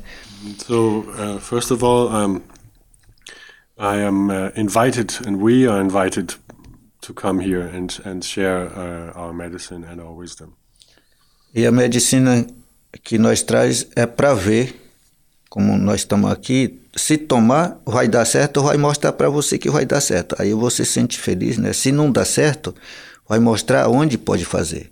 Essa aqui pode fazer. Todo mundo está vendo. Ah, agora sim. Isso que nós estamos querendo mostrar para vocês, para todo mundo saber essa parte também, né?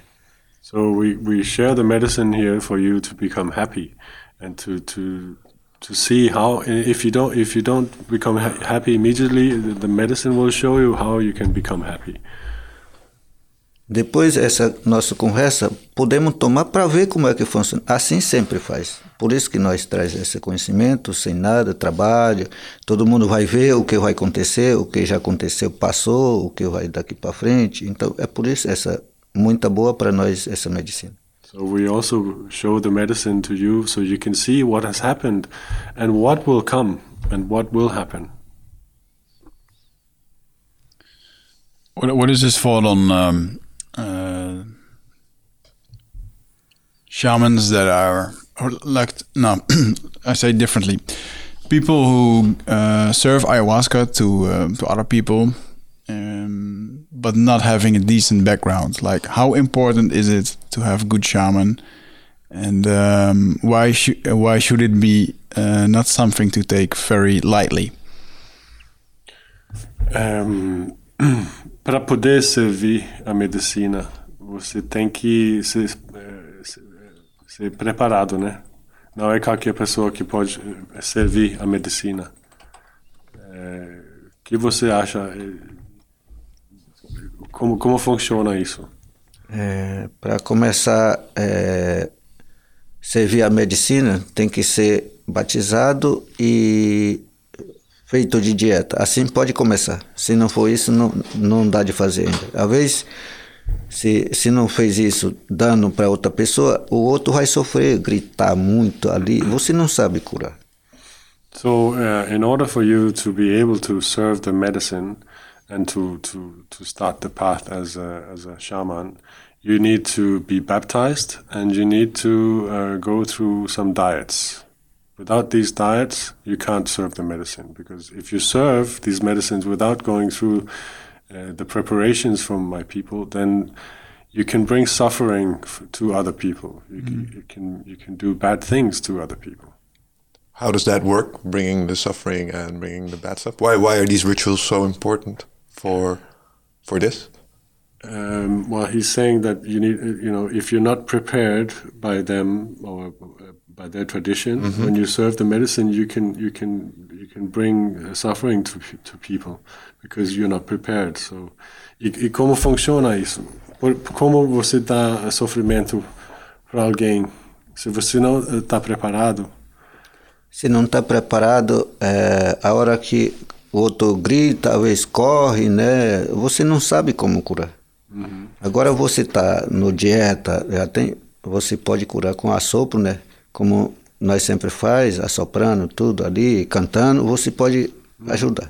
For example, uh, if you if you're not prepared and you serve the medicine to someone, and the person is having a, a, a very strong experience, like for example screaming or wants to run away, or then if you're not prepared, uh, you you you won't know what to do. To, to calm the person, to keep, you know, to make the person uh, use this experience for his personal growth. Uh, so you do, you won't be able to know what to do. I see, But yes. when you've done the diets and the preparations, you you you will know. All right. Yeah, I understand. Um, I understand that um, that this preparation is very important, but at the same time, and I am by no means an ayahuasca ceremony expert, but from what I've seen, um, they seem to be very relaxed um, about the ceremonies and the use of other medicines. Uh, for example, um, the one thing that surprised me is the fact that you um, readily combine it with other medicines like uh, rapé and shuru, which is uh, cannabis. Which, if you talk to other shamans and people who are involved in this, they go like, "No, no, no, that's a very, very bad idea. You shouldn't want to do that." So, uh, on one hand, I, I see him being very strict in that, and on the other hand, they seem to be very relaxed about it. What are his thoughts about being strict with, for example, combining it with other medicines during ceremonies? Então, hoje em dia tem muitas uh, opiniões, né, de várias pessoas, né? Por exemplo, alguns grupos falam que não é bom fumar churu, né? E misturar as medicinas. Mas ele viu a cerimônia de você que tá bem relaxado assim, né? E, e dá de fumar churu também e você trabalha com várias medicinas. O que você acha de tudo isso? Pode misturar várias medicinas ou ou não pode? Como que é? É, isso foi no conhecimento dos do, como vocês, né, os, os Nauá faz esse muitas várias é, de, de, de para não fazer, né? Então, para nós Runiquim, que nós tem esse conhecimento, que a medicina foi transformado junto Churu, mesma pessoa do Abusan transformou, mandou através do conhecimento do, do, sonho. É por isso que usa junto. Agora, aquela pessoa que não sabe essa, essa transformação dos ancestrais, que faz essa regra, né? Não pode, não pode. Essa é a mesma pessoa, a mesma família. So he's saying that all these rules and regulations of what what not to do and what to do is something that we have made up, mm. and it's something that's made up by people who who don't know. Mm-hmm. Because, uh, because, for example, cannabis uh, is also created by Yushibu. It's it's created by the Great Spirit, and it's all all the medicines, the plant medicines, are created by the the Spirit. So therefore, if you don't know, then you will make all lots of rules. But if you know, you will know that these medicines can work together. Mm-hmm. What is the story of the Shuru? Because I'm really wondering what what the story of the Shuru is. Where does it come from? The origin. Uhum.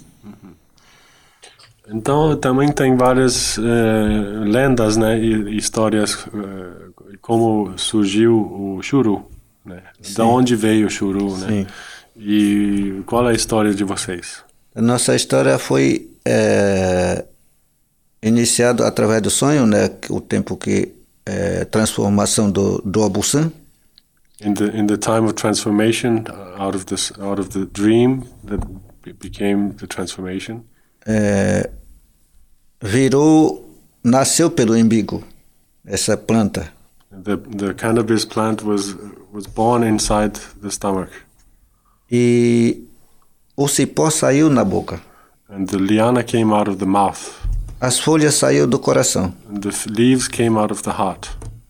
Tabaco saiu do nariz. And tobacco came out of the nose. É.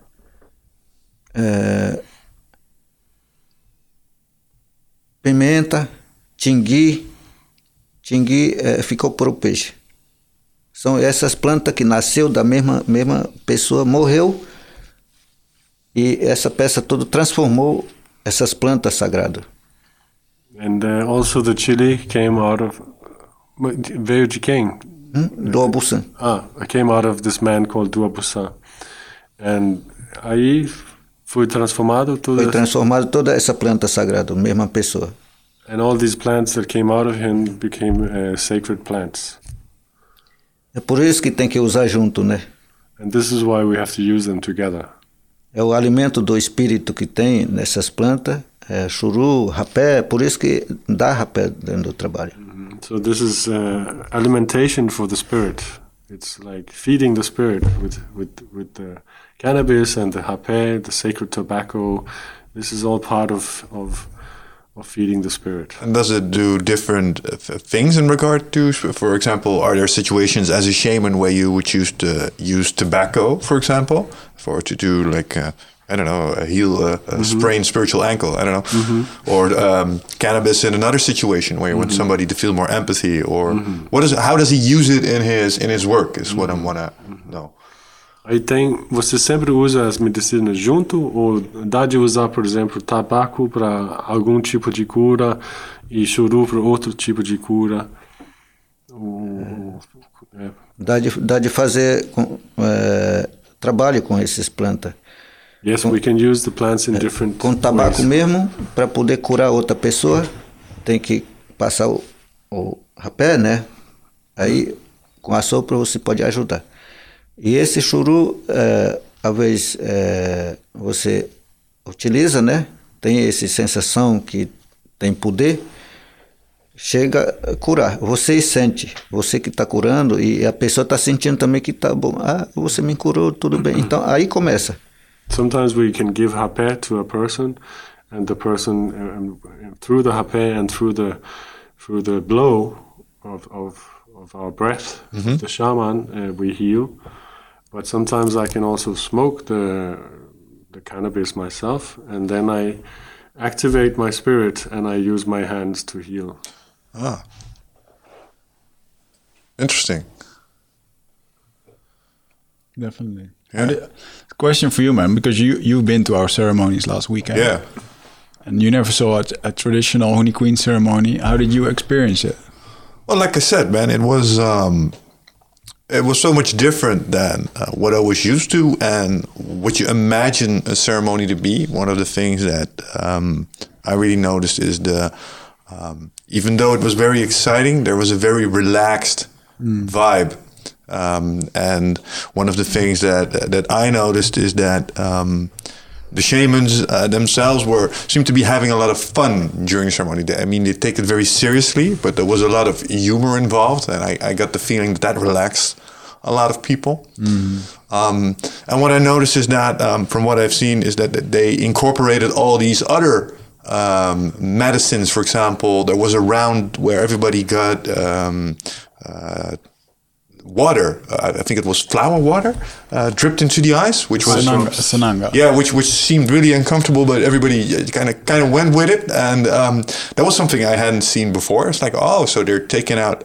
all these things. They have this big bag of tricks that they're going to use tonight, and I think a lot of people there thought, well, I'm going to do ayahuasca. So they had mm. this, I'm going to get a cup of this brew in my hand. And then you started doing all the other stuff and the rapé. And yeah, yeah that, that made it very um, diverse, but I think that was good for a lot of people. Yeah, a lot of people got overwhelmed by that as well because usually it's only you ayahuasca. Yeah, and then you have to do sananga, which bites. It's uh, made from a little bush from the root, and it uh, it clears you of mental diseases, bad spirits, and mental things, uh, and that helps you with seeing visions. But um, you know, if you're not used to it and you do the hape and you have to throw up a lot and you do the ayahuasca and it makes you nausea, it can be pretty overwhelming. Yeah. To, um, I don't know if you can fix that, but I can imagine if you're the last guy in the circle that has to do the rape or hape or how you guys uh, call it, and you've seen all these guys take it and then buckle over, that's uh, that's a tough cookie to swallow. But the, hape, hape is always different also. Like the first time uh, you have to throw up maybe and then afterwards it can be like, I always make the comparison like, it can be like somebody's blowing an ashtray in your face, or it can be like flowers, you know, yeah. and that's uh, it can send you into space. Um, yeah. And the impression that I got it, it was a lot lighter because obviously the ceremonies I did was were in total dark, and this was with light and candles and stuff like that. Mm. And the music was different. There were the the Icaros, yeah, which uh, uh, we talked about it. They have this uh, earbug effect that these Icaros tend to do. They stick with you through the entire weekend mm. in your mind.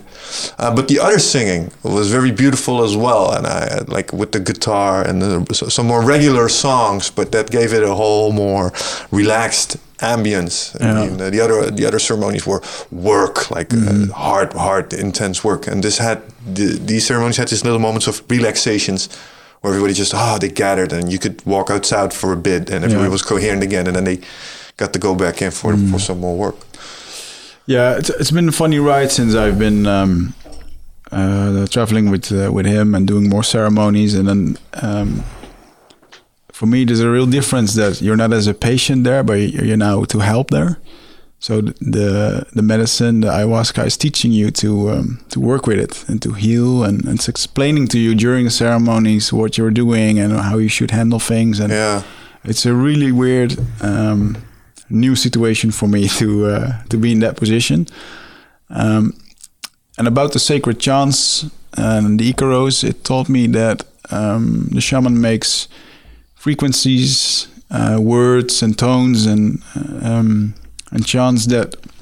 If you look at the body, you see uh, thousands of little guitar strings in every person, and some of these strings are wrinkled or broken.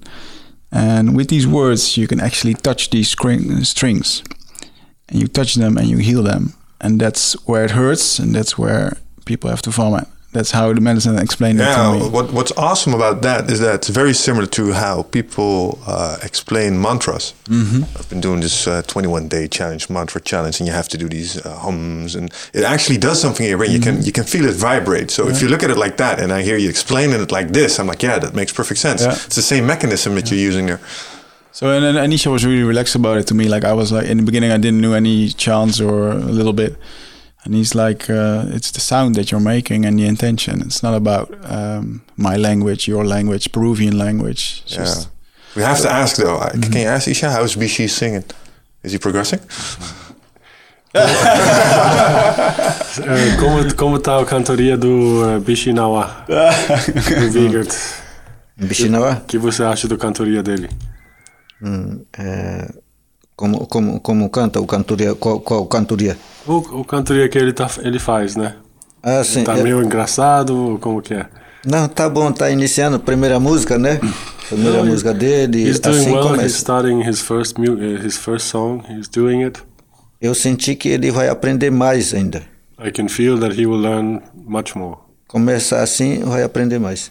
When it starts like this, then he will learn a lot, a lot more. Mm, yeah. That, that brings me to uh, another question when it comes to being a shaman in these groups. Um, because I once read a little book, I got it from you, Ayahuasca and the Shaman, and there they had this concept, which when I read about what it means to be a shaman, they talk about um, holding the room, and they have this term called convidenza. It's like you, you as a shaman have to know and trust that everything um, will be all right. Can you, can you talk a little bit about that? What, what that concept is and how that works for shaman? Ele tá perguntando como, eh, como, como é de ser um pajé, né? E, todo mundo tem que confiar em você e você também tem que mostrar confiança, né? Para todo mundo se sente eh, seguro, se sente bem, né? E, o que tu acha da importância disso aí? É, eu, eu sinto assim, é, se eu tenho conhecimento daquelas coisas, se dá de fazer, eu pode ajudar. né? Se eu não tenho esse conhecimento também, se alguém não chegar, é, tem conhecimento, eu falo que eu não conheço essa parte. Né? Onde eu tenho conhecimento, eu faço, é, atender todas as coisas. So basically, I, I only do what I know, and I work with the things that I know, and in this way, I I create the confidence and the trust. So I don't I don't I don't do things that I don't know, because if I do things that I don't know, then people will not trust me. Ca- Can you explain um, what his vision is about um, the sacred chants and um, what they do according to them, to him? Qual é a função das eh, dos, dos cantos e a cantoria Uniquim e, o- e o objetivo, o que eles faz? É, através da cantoria, é, tem um, um cantoria de cura, né? É, tem várias cantorias que existe, cada, cada canto pode fazer. So we o have que você quer fazer, pode fazer. We have many different types of songs. We have songs for healing and other types. Porque nós, Unicum, quan- através de cantoria, que pode fazer mais coisa, para todo mundo saber, né? não é nada segredo. Ali cantando é para todos. And, and our songs is for everyone and for everyone to participate and take part in the songs. É por isso que com canto cura mais. And, and this is why when we sing, we heal. And the more of us that sing together, the more we heal. So we use the songs to heal. That that all sounds um, very altruistic, I mean, um, most of us, when we think about ayahuasca and we talk about ayahuasca, it's all about the healing and the stuff like that. Um, we get already also told about uh, uh, unprepared shamans. Um, but one of the things that um, ayahuasca, uh, especially in Holland, it's got a little bit of publicity, and it, it mainly zooms into um, bad shamans and people with bad intentions.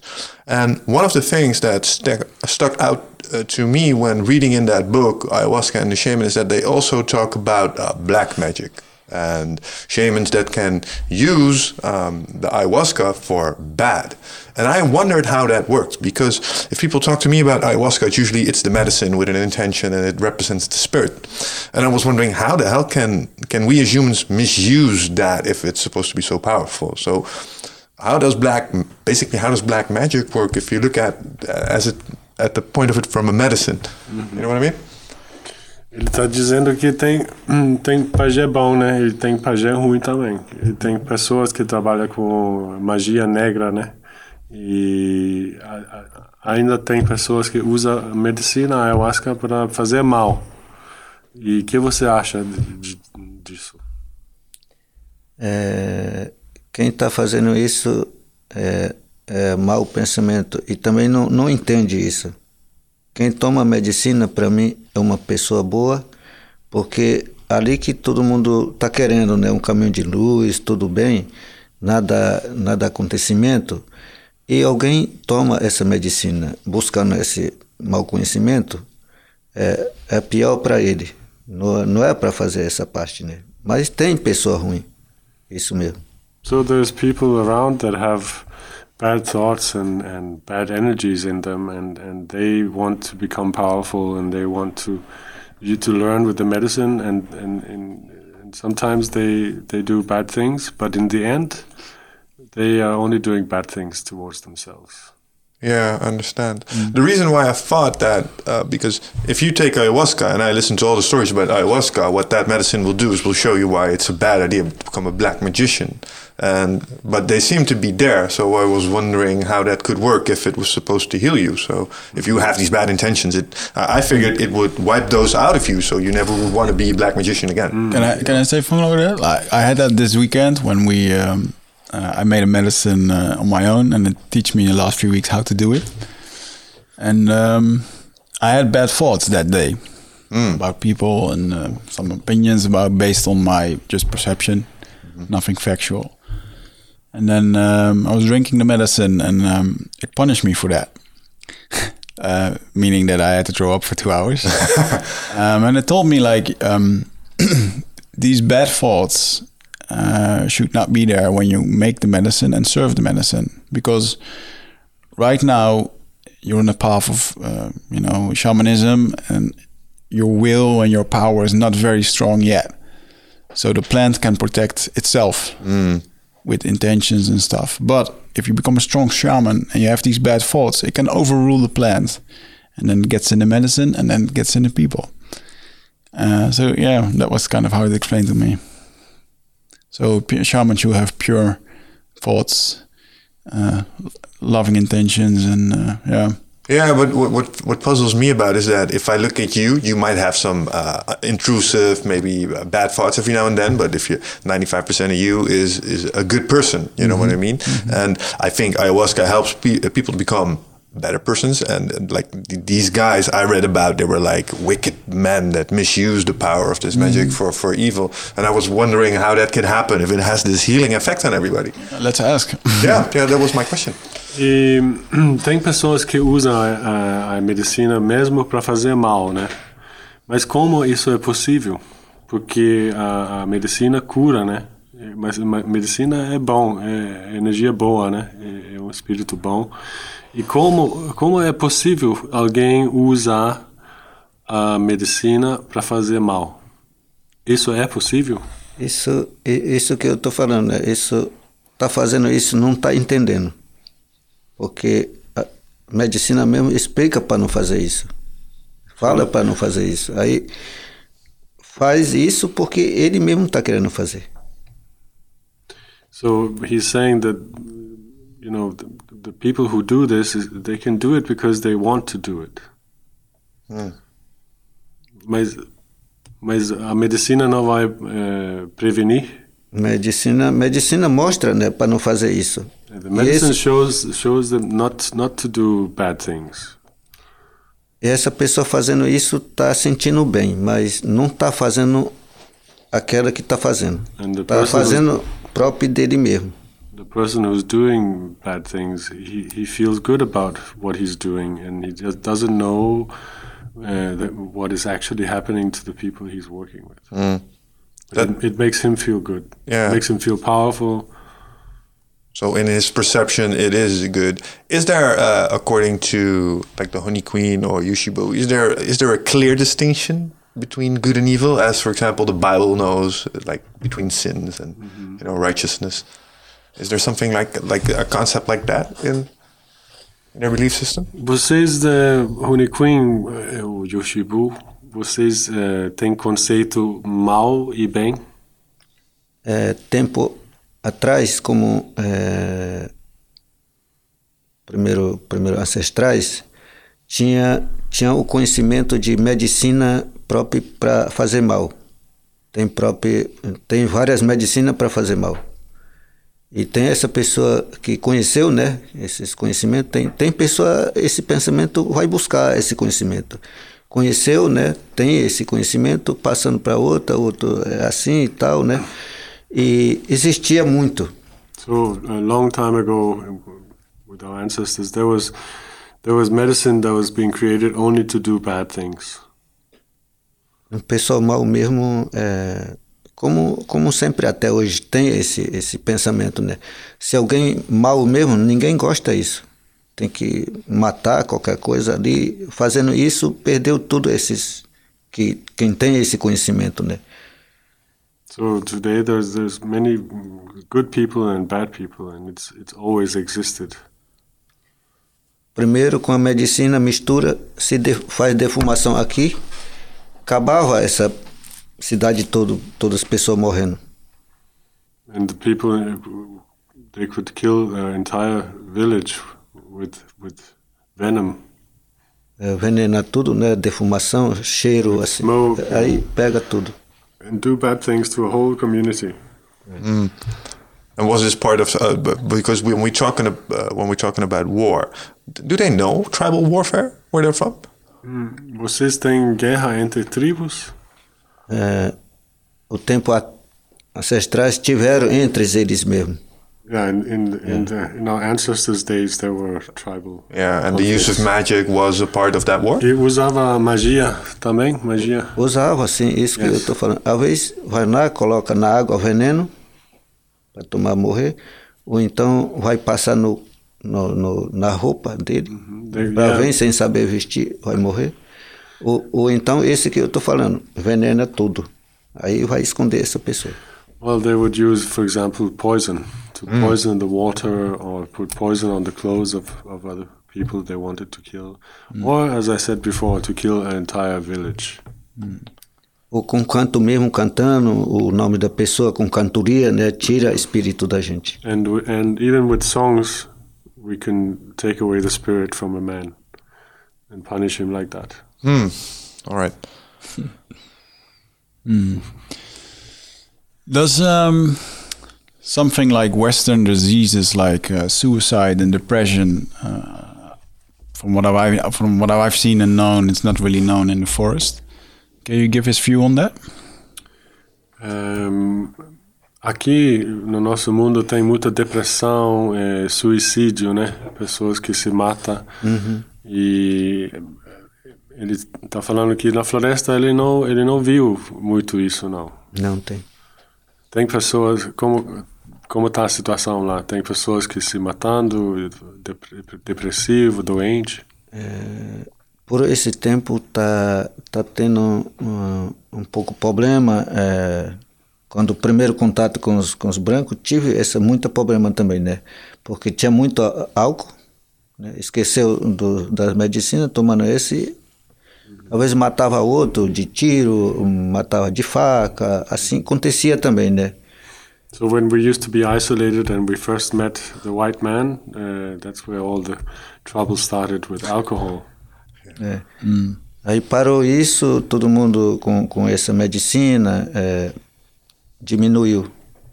And then uh, gradually, uh, alcohol uh, got more power, and, and they stopped to drink ayahuasca. Alcohol is a big problem. Álcool é um problema grande. Álcool é problema. Quando toma, é, às vezes vai lá, mata outro, né, sem saber, matando outro, e outro está querendo vingar também. Aí começa com essas. Yeah, sometimes people uh, under under the influence of alcohol, they don't know what they're doing. They can go and kill someone and not remember. And then the family of the person who's been killed, they want revenge, and like this, problems are created. How how uh, does that work where in their community? Uh, I mean, I guess nowadays if there's a murder, uh, maybe the Brazil government steps in. But how did they do that before first contact? Like, do they have laws? And for example, what if there was a murder? What would they do? Hum, quando vocês eram isolados, eh, vocês tinham leis. Por exemplo, se alguém matou alguém, como vai ser processado? Hoje em dia é polícia, né? Hoje tem, tem lei, né? Se alguém mata, hoje em dia, eh, polícia leva, né? Aí vai ter processo. Mas no antigo, vocês têm leis dentro, próprias leis, Uniquim? É, nós próprios Runicum, nós não tem lei assim escrito não. Nós tem lei esse essa medicina que nós tem sempre sagrado. Para não acontecer mais isso, nós coloca nesse dieta. Acaba tudo com pensamento mal, com essas coisas tudo. Tira tudo o que ele fez também, né? Tem que cumprir essa dieta. Aí que começa a fazer para não fazer mais isso, para acabar. So if someone uh, has done something really bad to someone, and uh, the way we would punish that punish that person would be by putting them in a diet. Then they would have to uh, get rid of their uh, dark uh, spirit or dark energy uh, spirit. They're, they're sick in the spirit. So with the diets and with our medicines, we would we would heal the person. So, th- so they never take it really personal in that way. Aí você nunca leva pessoal assim. Não. No, we don't. E hoje, é, tempo do meu avô, acontecia isso. E hoje, depois que ele foi, e tive esse, esse é, criação de é, polícia, até próprio parente polícia ficou na todas as aldeias, né? E assim entregando pelos é, na mão dos polícia, do, do, dos brancos, eu falei também, não pode não pode fazer mais isso. Isso é a tradição do, dos brancos que faz isso. É o nosso tradição, vamos continuar a fazer essa dieta. Nós nunca aprendemos os brancos, o branco continua aprendendo nós. E, e nós não estamos aprendendo ninguém. Vamos fazer o que é nosso mesmo. O nosso direção é isso, vamos estar todo mundo fazer isso. Melhor do que pre- prender, coloca no caminho bom. So back in the days where my grandfather was alive, uh, that's when the uh, police was created. Even even police in, in- within our tribe. But as I say, this is the tradition of the white man to have the, the police and the laws. And, and I keep uh, saying to my people that we should continue to use our own traditions uh, and, and, and help people that have been possessed by uh, uh, negative energy. So everything that happens is considered um, out of their influence and uh, under the like you know influence of of a ne- negative spirit, and that's why you go on a dieta because it's not really your fault. Então, quando alguém faz alguma coisa mal, é porque ele tem um espírito mal, né? Então, é, vocês cura, É. tira esse espírito mal. Então, na verdade, a pessoa não tem culpa. É. Yes, this is correct. Ah. Yeah. So there's nothing that you could do that would get you banished or even retribution in the sense. Então, não, não tem uma coisa que você vai mandar essa pessoa para fora da comunidade para sempre. Se ele fez alguma coisa mal, você vai ajudar, né? Você vai curar. Não vai espantar para outro lugar. Não, isso que eu falo. Hoje em dia é tão espantando, né? Pega, prende lá, É. preso, sem trabalhar muito tempo, fechado, né? além de trabalhar, tá lá. preso, né? Não, Yeah. não sei. For example, today, uh, when something happens, someone, the the white man, police come and take uh, people from my village and put them in prison, and then they will be there for three months or six months, doing nothing. And, and, and you know why if they would stay with us they could work they could help in the community you know and and we don't take white men prisoners so why do they take our people prisoners Yeah. So we, we kind of have to um, round up a little bit. Um, I'd like to know um, two more questions, and then. Uh, uh, do you have any questions? You still I still have a big book full, but I'm looking at the time and I see two hours Yeah. just flew by. So yeah, I can imagine we need to Okay, wind so up. we have uh, two questions, and then um, uh, we're going to finish off with a nice Icaro, I guess. Awesome. Um, question number one is like um, people in their village, uh, people that that live here in the West, and they have a mental disability, schizophrenia. Um, some people see stuff, other people, you know, the voices in their head or whatsoever. Um, how do how does he look at this kind of um, we call it illness uh, in their village? Então, ele está dizendo que aqui eh, no nosso mundo tem tem pessoas que às vezes vejam coisas que não tá lá, né? Ou tem alguma eh, coisa eh, doença mental assim. E aqui no nosso mundo isso, as pessoas já é estranho, né? O que você acha de, eh, de, de tudo isso? Eh, Vocês têm também e, por exemplo, uma pessoa veja coisas que não tá lá, isso isso é o quê? É, Como, como daqui mesmo ver lá, como é que é? É, é, Quando a- as pessoas é, têm uma doença mental, né, por exemplo. É, a- aqui todo mundo fica tratado, ou trancado, é, toma medicina, várias coisas, né? Mas como vocês fazem lá? É, sendo assim, é, nós tem própria medicina tudo para isso também, como tem na farmácia, né? O nosso tem na floresta. Se parece alguma doença, consulta, né? Ou através do sonho a pessoa que está doente, o que é que sente, como fosse consulta daqui, nós consulta através do sonho, o que é que está sonhando quando está sentindo essa doença. E eu estou sentindo isso, sonhei isso, ah, então a doença daquilo. Então vamos buscar aquela medicina, passa para ela, fica bom. Ah, é isso mesmo, ah, adivinhou, o pajé adivinhou, curou, tá tudo bem, né? Então isso sempre faz. Yeah, so in in in the forest we we treat every every situation equally, and and we we will try if someone has a mental disease or or or something like that, we will we will we will ask to get the cure through a dream. Mm. So we we ask how how can we cure this? How can we help this person?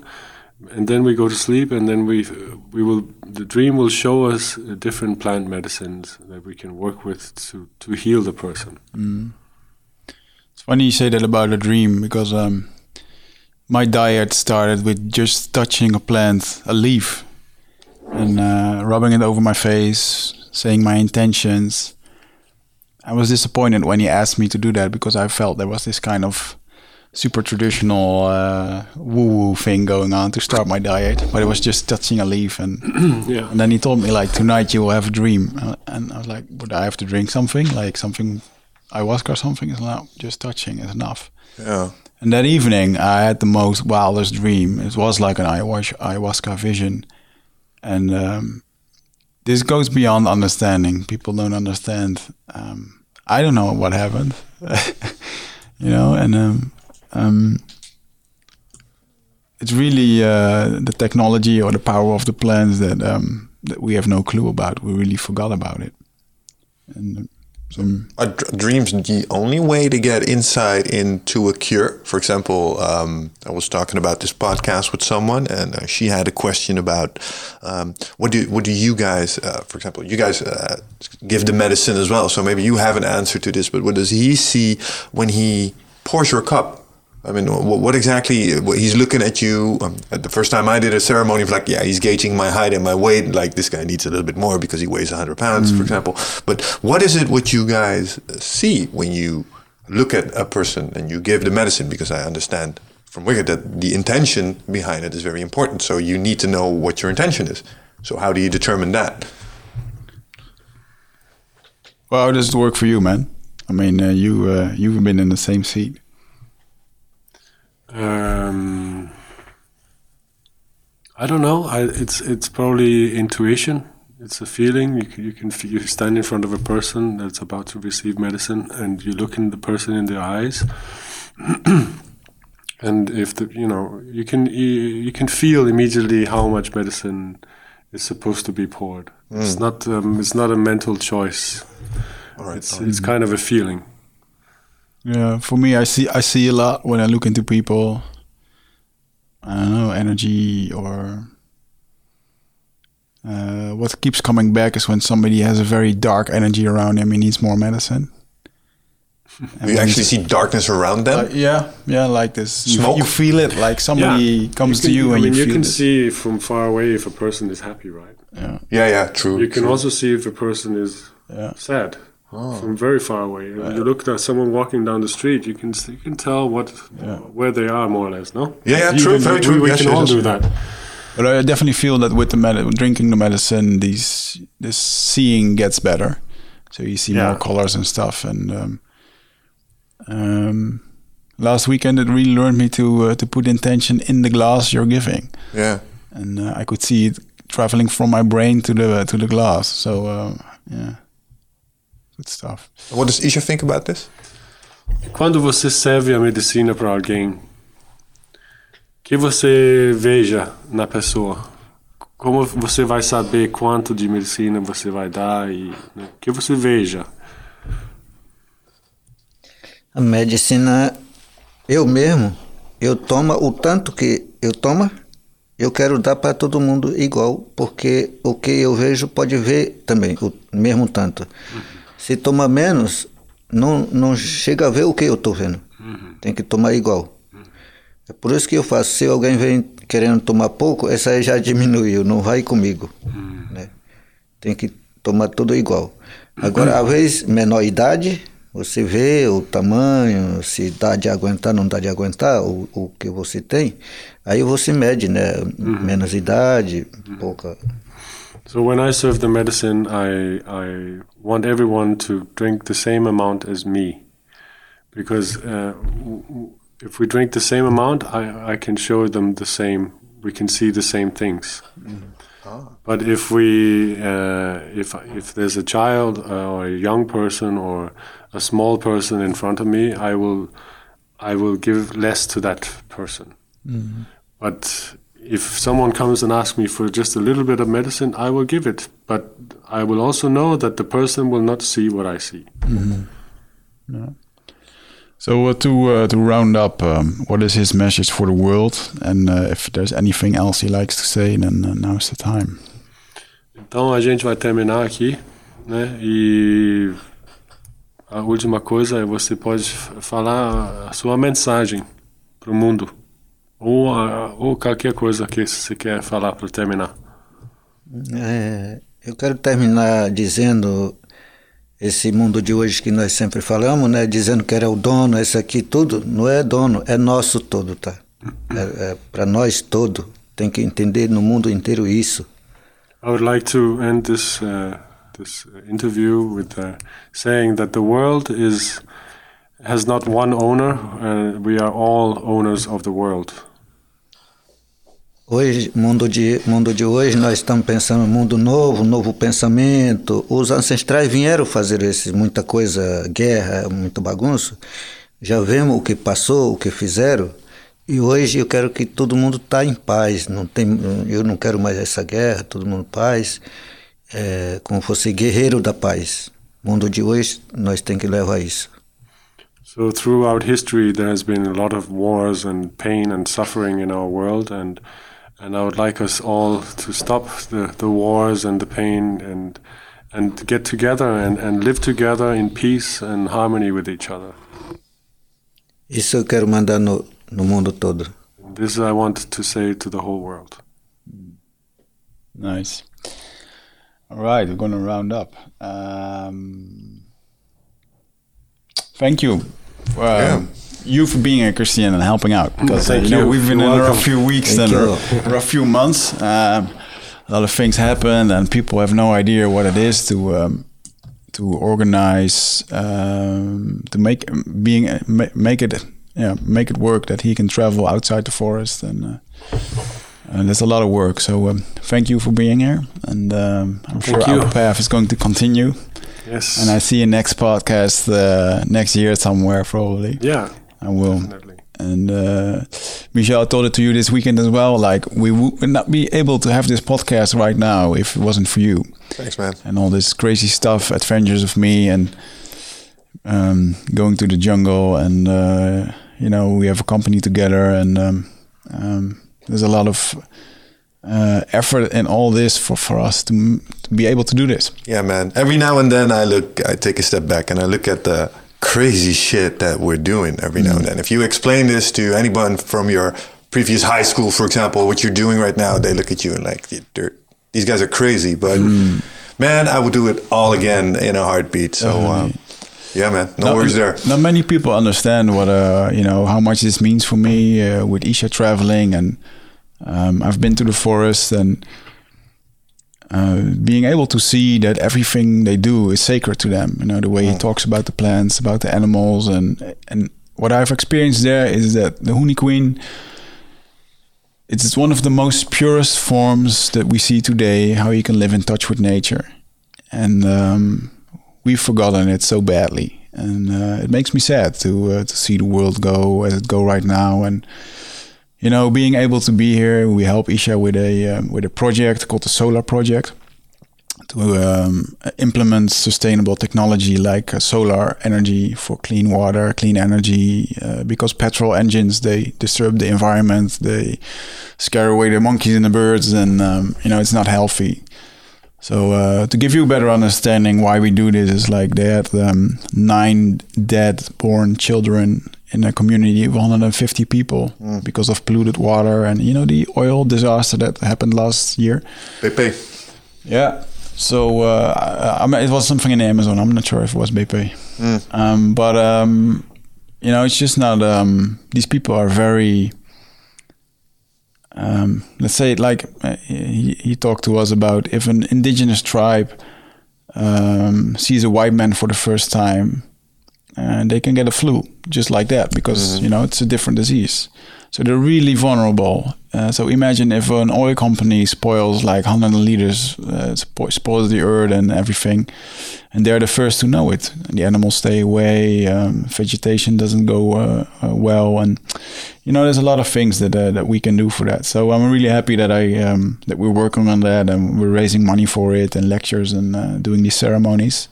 Plus, you know, we're actually healing people and. Uh, the reactions I got back from this weekend the people say they had the best night of their life, and uh, it really means a lot. Yeah, man. So, um, Well, you can tell by just looking at the, the, the people you're working with right now, Isha and Christian as well. Um, I said it in the podcast before this one, but I read a great quote by Aubrey Marcus the other day, which uh, she, you can recognize a good shaman by their laugh. And one of the things that I noticed the most uh, last weekend is uh, the fun you guys have and the sincere laughs they share. And you can tell they're good people just by that. Just like you can spot a depressed person from a mile away, you can spot good people from a mile away as well. And well, these guys have that vibe. So um, yeah, it's great uh, to hang out with you guys. thanks, And, thanks. Can Doing trans- good stuff. you translate something to Isha that I want to thank him for uh, for being here?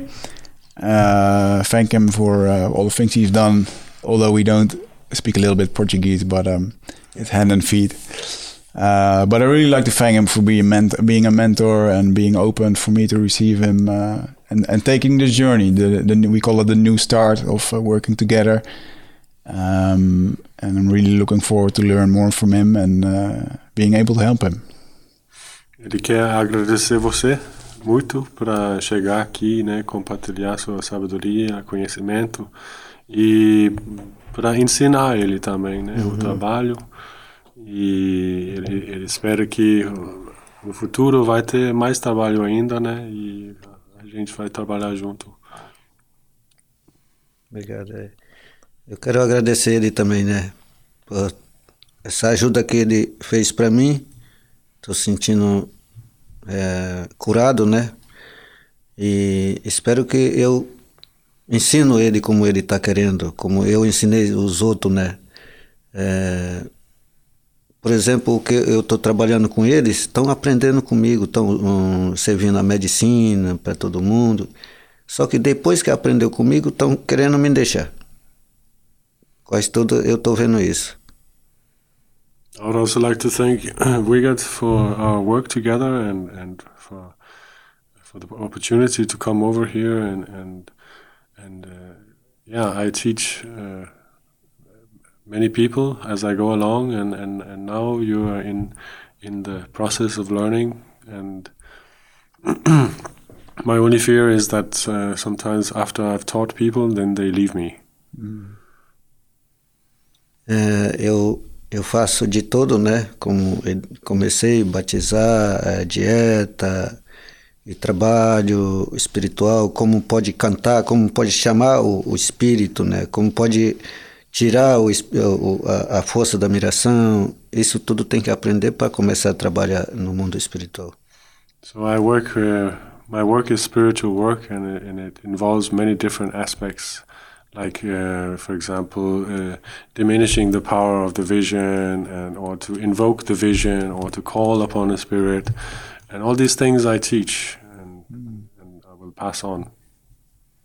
Isso pode ensinar.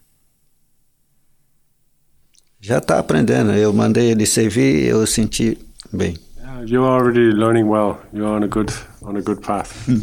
Thank you. Yeah, enjoy it. And um, now's the time to finish off with a powerful Ikaro.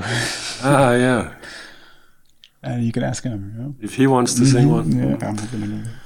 É, você pode terminar com uma, uma, uma, uma- um canto forte, único meu. Eu vou, eu vou cantar essa essa cantoria de, de do mundo, né? É, na Itarunawa. I'm gonna finish off with the song of the world. Chai nai dun amani, chai nai dun amani, nai amani. A a i a i, a a i a i, ha ya i i, a a i a i, ha ya i i. Chaina itarnawa, chaina itarnawa, naitarnawa. A a e a e. A a a e a e. Ha ya e e. A a a e a e. Ha ya e e. Jai kamankuru kamankuru payani kamankuru payani. A a e a e ah ah ah e ah e ha ya e e ah ah ah e ah e ha ya e e 加音不不是哒不不是哒巴肯尼不不是哒巴肯尼啊啊诶啊诶啊啊啊诶啊诶哈呀诶诶啊啊啊诶啊诶哈呀诶诶。Jai kurunishpu kurunishpu nakani kurunishpu nakani a a i a i a a a i a i ha ya i i a a a i a i ha ya i i ya Hausch, hausch, hausch, hausch, hausch, hausch. Huis, huis. Beautiful. All right. Thank you guys for tuning in. That's and, a wrap. Uh, that's a wrap. Thank you. Ciao.